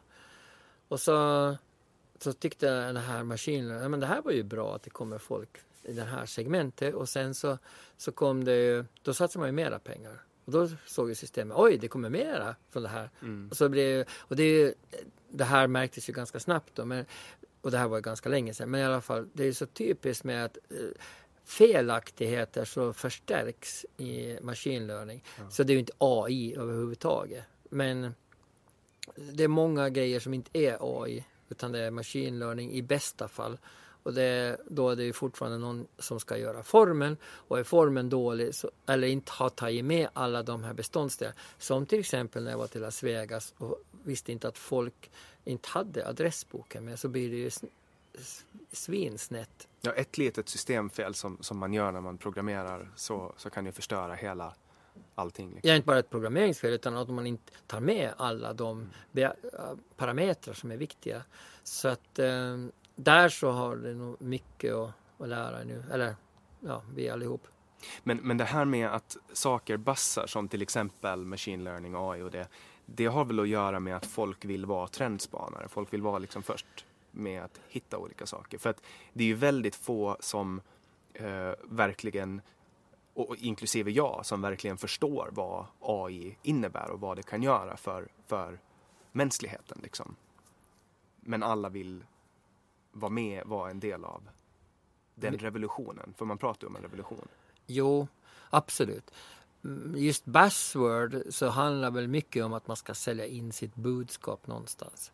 Och det har man ju varit med om att folk säger allt från growth hacking eller vad det är utan att egentligen fatta vad det innebär. Men det, name dropping är ju ett annat ord för det. Och jag menar det är väldigt många som klarar sig skitlångt i sina karriärer med att säga saker som, de, som är moderna men som de egentligen inte har järnkoll på. Och det brukar ju, jag tänker på när man köpte dator för herrans många år sedan så då kunde en försäljare säga att ja, den här hade 36 000 RAM-minne och ja men de bara drog fram en massa faktor. Och så frågar man vad innebär det?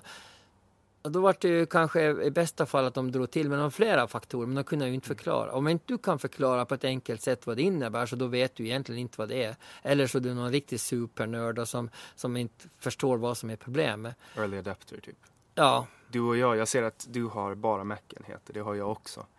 Eh, och där finns det ju också forskning på folk som köper Mac och folk som köper andra operativsystem.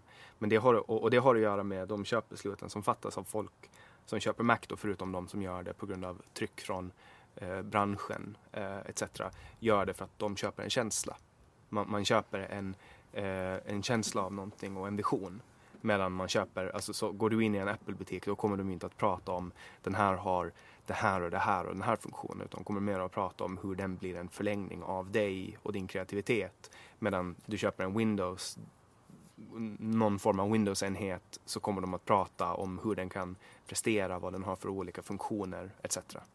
absolut. Och sen i mitt fall så handlar det nog mycket om lathet. För jag menar, har du en infrastruktur så det är så mycket lättare att få allting att snurra. Och det tycker jag, förut i alla fall, så var Apple skitduktiga på att få det att snurra. Sen så har kvaliteten sjunkit på vissa saker tycker jag som eh, efter att Steve Jobs slutade så är det inte riktigt samma sprutt på kreativiteten och, och kvaliteten men eh, fortfarande så tycker jag att det är oslagbart. Och jag har ju byggt upp och köpt en massa appar sånt där som man skulle måste kasta i sjön då ifall man skulle byta.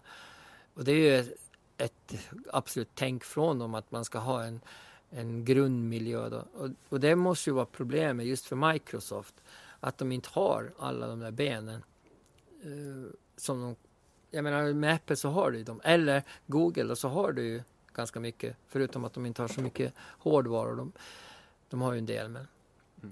Men det som sagt var, känslan absolut. Och sen är det ju också det faktum att allt annat förutom Mac är skitdåligt.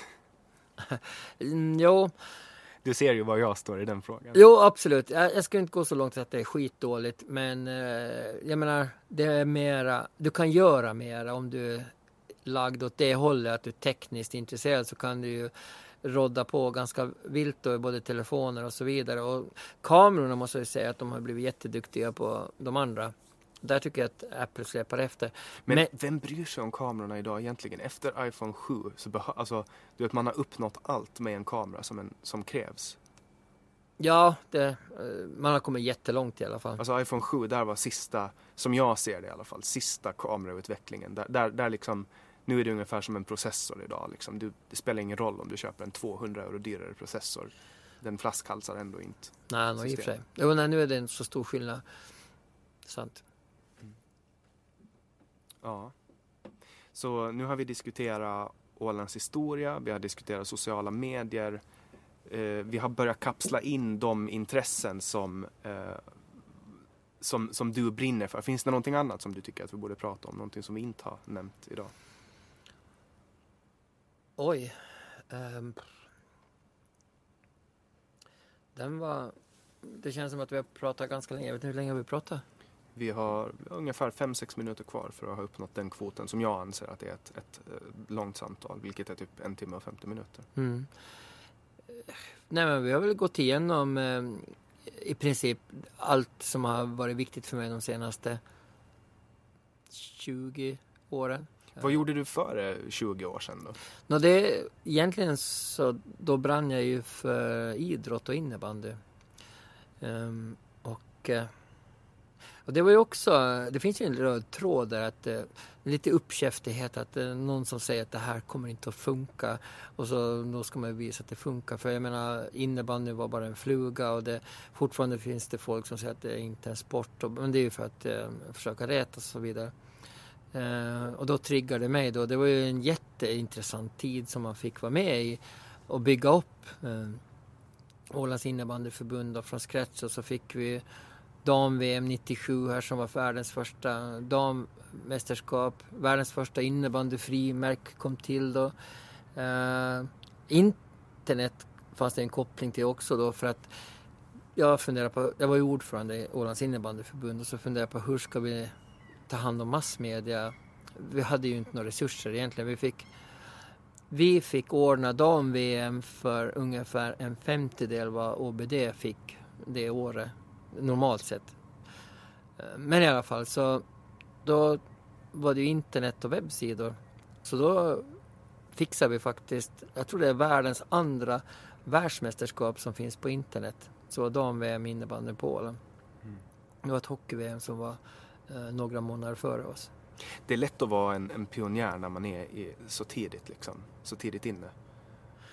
Alltså att få, få ut de grejerna. Du vet, saker som, som har hänt de senaste tio åren, alltså sådana historiska händelser som har utspelat sig. Eh, det är som en spiral kan man säga. Du vet, först uppfann man eh, den här mors, vad heter de, telegrafen. Ja.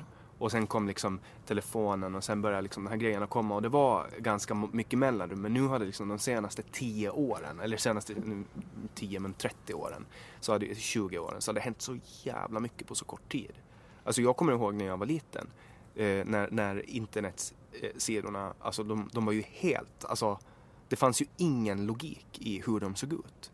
Och, och du vet man måste koppla upp sig på ett modem och då kunde man inte ringa i telefonen. Eh, och det lät som en fax när man skulle gå ut på internet. Alltså, det var helt sjukt om man jämför med hur det är idag. Det skönaste, eh, en av de skönare episoderna var jag gjorde Nya Ålands, inte första webbsidan men andra eller sånt här. Och så gjorde jag på en diskett. Det kanske inte alla lyssnare vet vad en diskett är men i alla fall en liten minnesgreja då. Plastlagringsenhet. Plast, ja, och så eh, var det Å, ODC tror jag de hette, Ålands datacentral. Så jag kunde inte föra dit den eh, själv, eller jag kunde inte föra över den digitalt så jag måste ha föra den fysiskt, den disketten. Alltså vart det ju publicering då av den här webbsidan och så vart det en kompis till mig som hör, hör du, du har nog glömt en grej. Och då hade jag satt länken till loggan på, på sidan så var till eh, den här disken. Så det betydde att alla som loggade dit så började fråga efter eh, disketten i, i datorn. Så det var liksom ett hack då. Så, alla så det var ett riktigt roligt hack egentligen. Och då fick jag vänta vackert till följande dag då innan jag kunde komma in till ODC och, och byta ut den där länken till den riktiga, till själva webbservern då. Och den här byggde du bara i HTML? Liksom. Ja. Rakt av HTML? Det här måste vara 97 eller något sånt där. Ja, en svunnen tid. Ja, då har vi närmat oss slutet på den här inspelningen. Eh, vi tackar dig som har kommit och lyssna på Mats Adamczak. Tackar så jättemycket för att vi fick ha med dig. Ehm, och som vanligt så hittar ni alla våra avsnitt på www.samtal.ax. Där kan ni också gå in och tipsa ifall det finns någon som ni vill höra i podden. Eh, ni får gärna gå in på iTunes och ge oss fem stjärnor om ni anser att vi är värda det. Eh, annars eh, ber vi er att inte göra det och nu kommer ni antagligen att ge oss en stjärna bara för att, ni, bara för att jag nämnde det här. Ehm, det brukar vara så. Om ni tycker att det här är bra så kan ni dela det på sociala medier. Gå gärna in och dela presentationsfilmerna. Det är bästa sättet att göra det på. Jag heter Jannik Svensson. Producent för det här avsnittet är Didrik Svan. Du har lyssnat på Säg vad du vill Åland.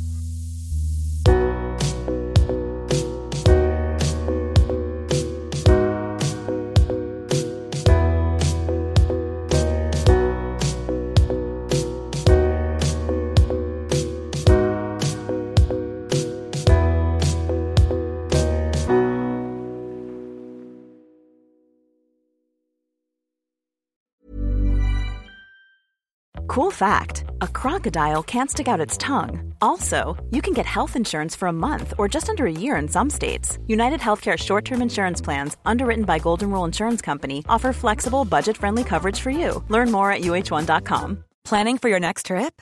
Elevate your travel style with Quince. Quince has all the jet setting essentials you'll want for your next getaway, like European linen, premium luggage options, buttery soft Italian leather bags, and so much more and is all priced at 50 to 80% less than similar brands.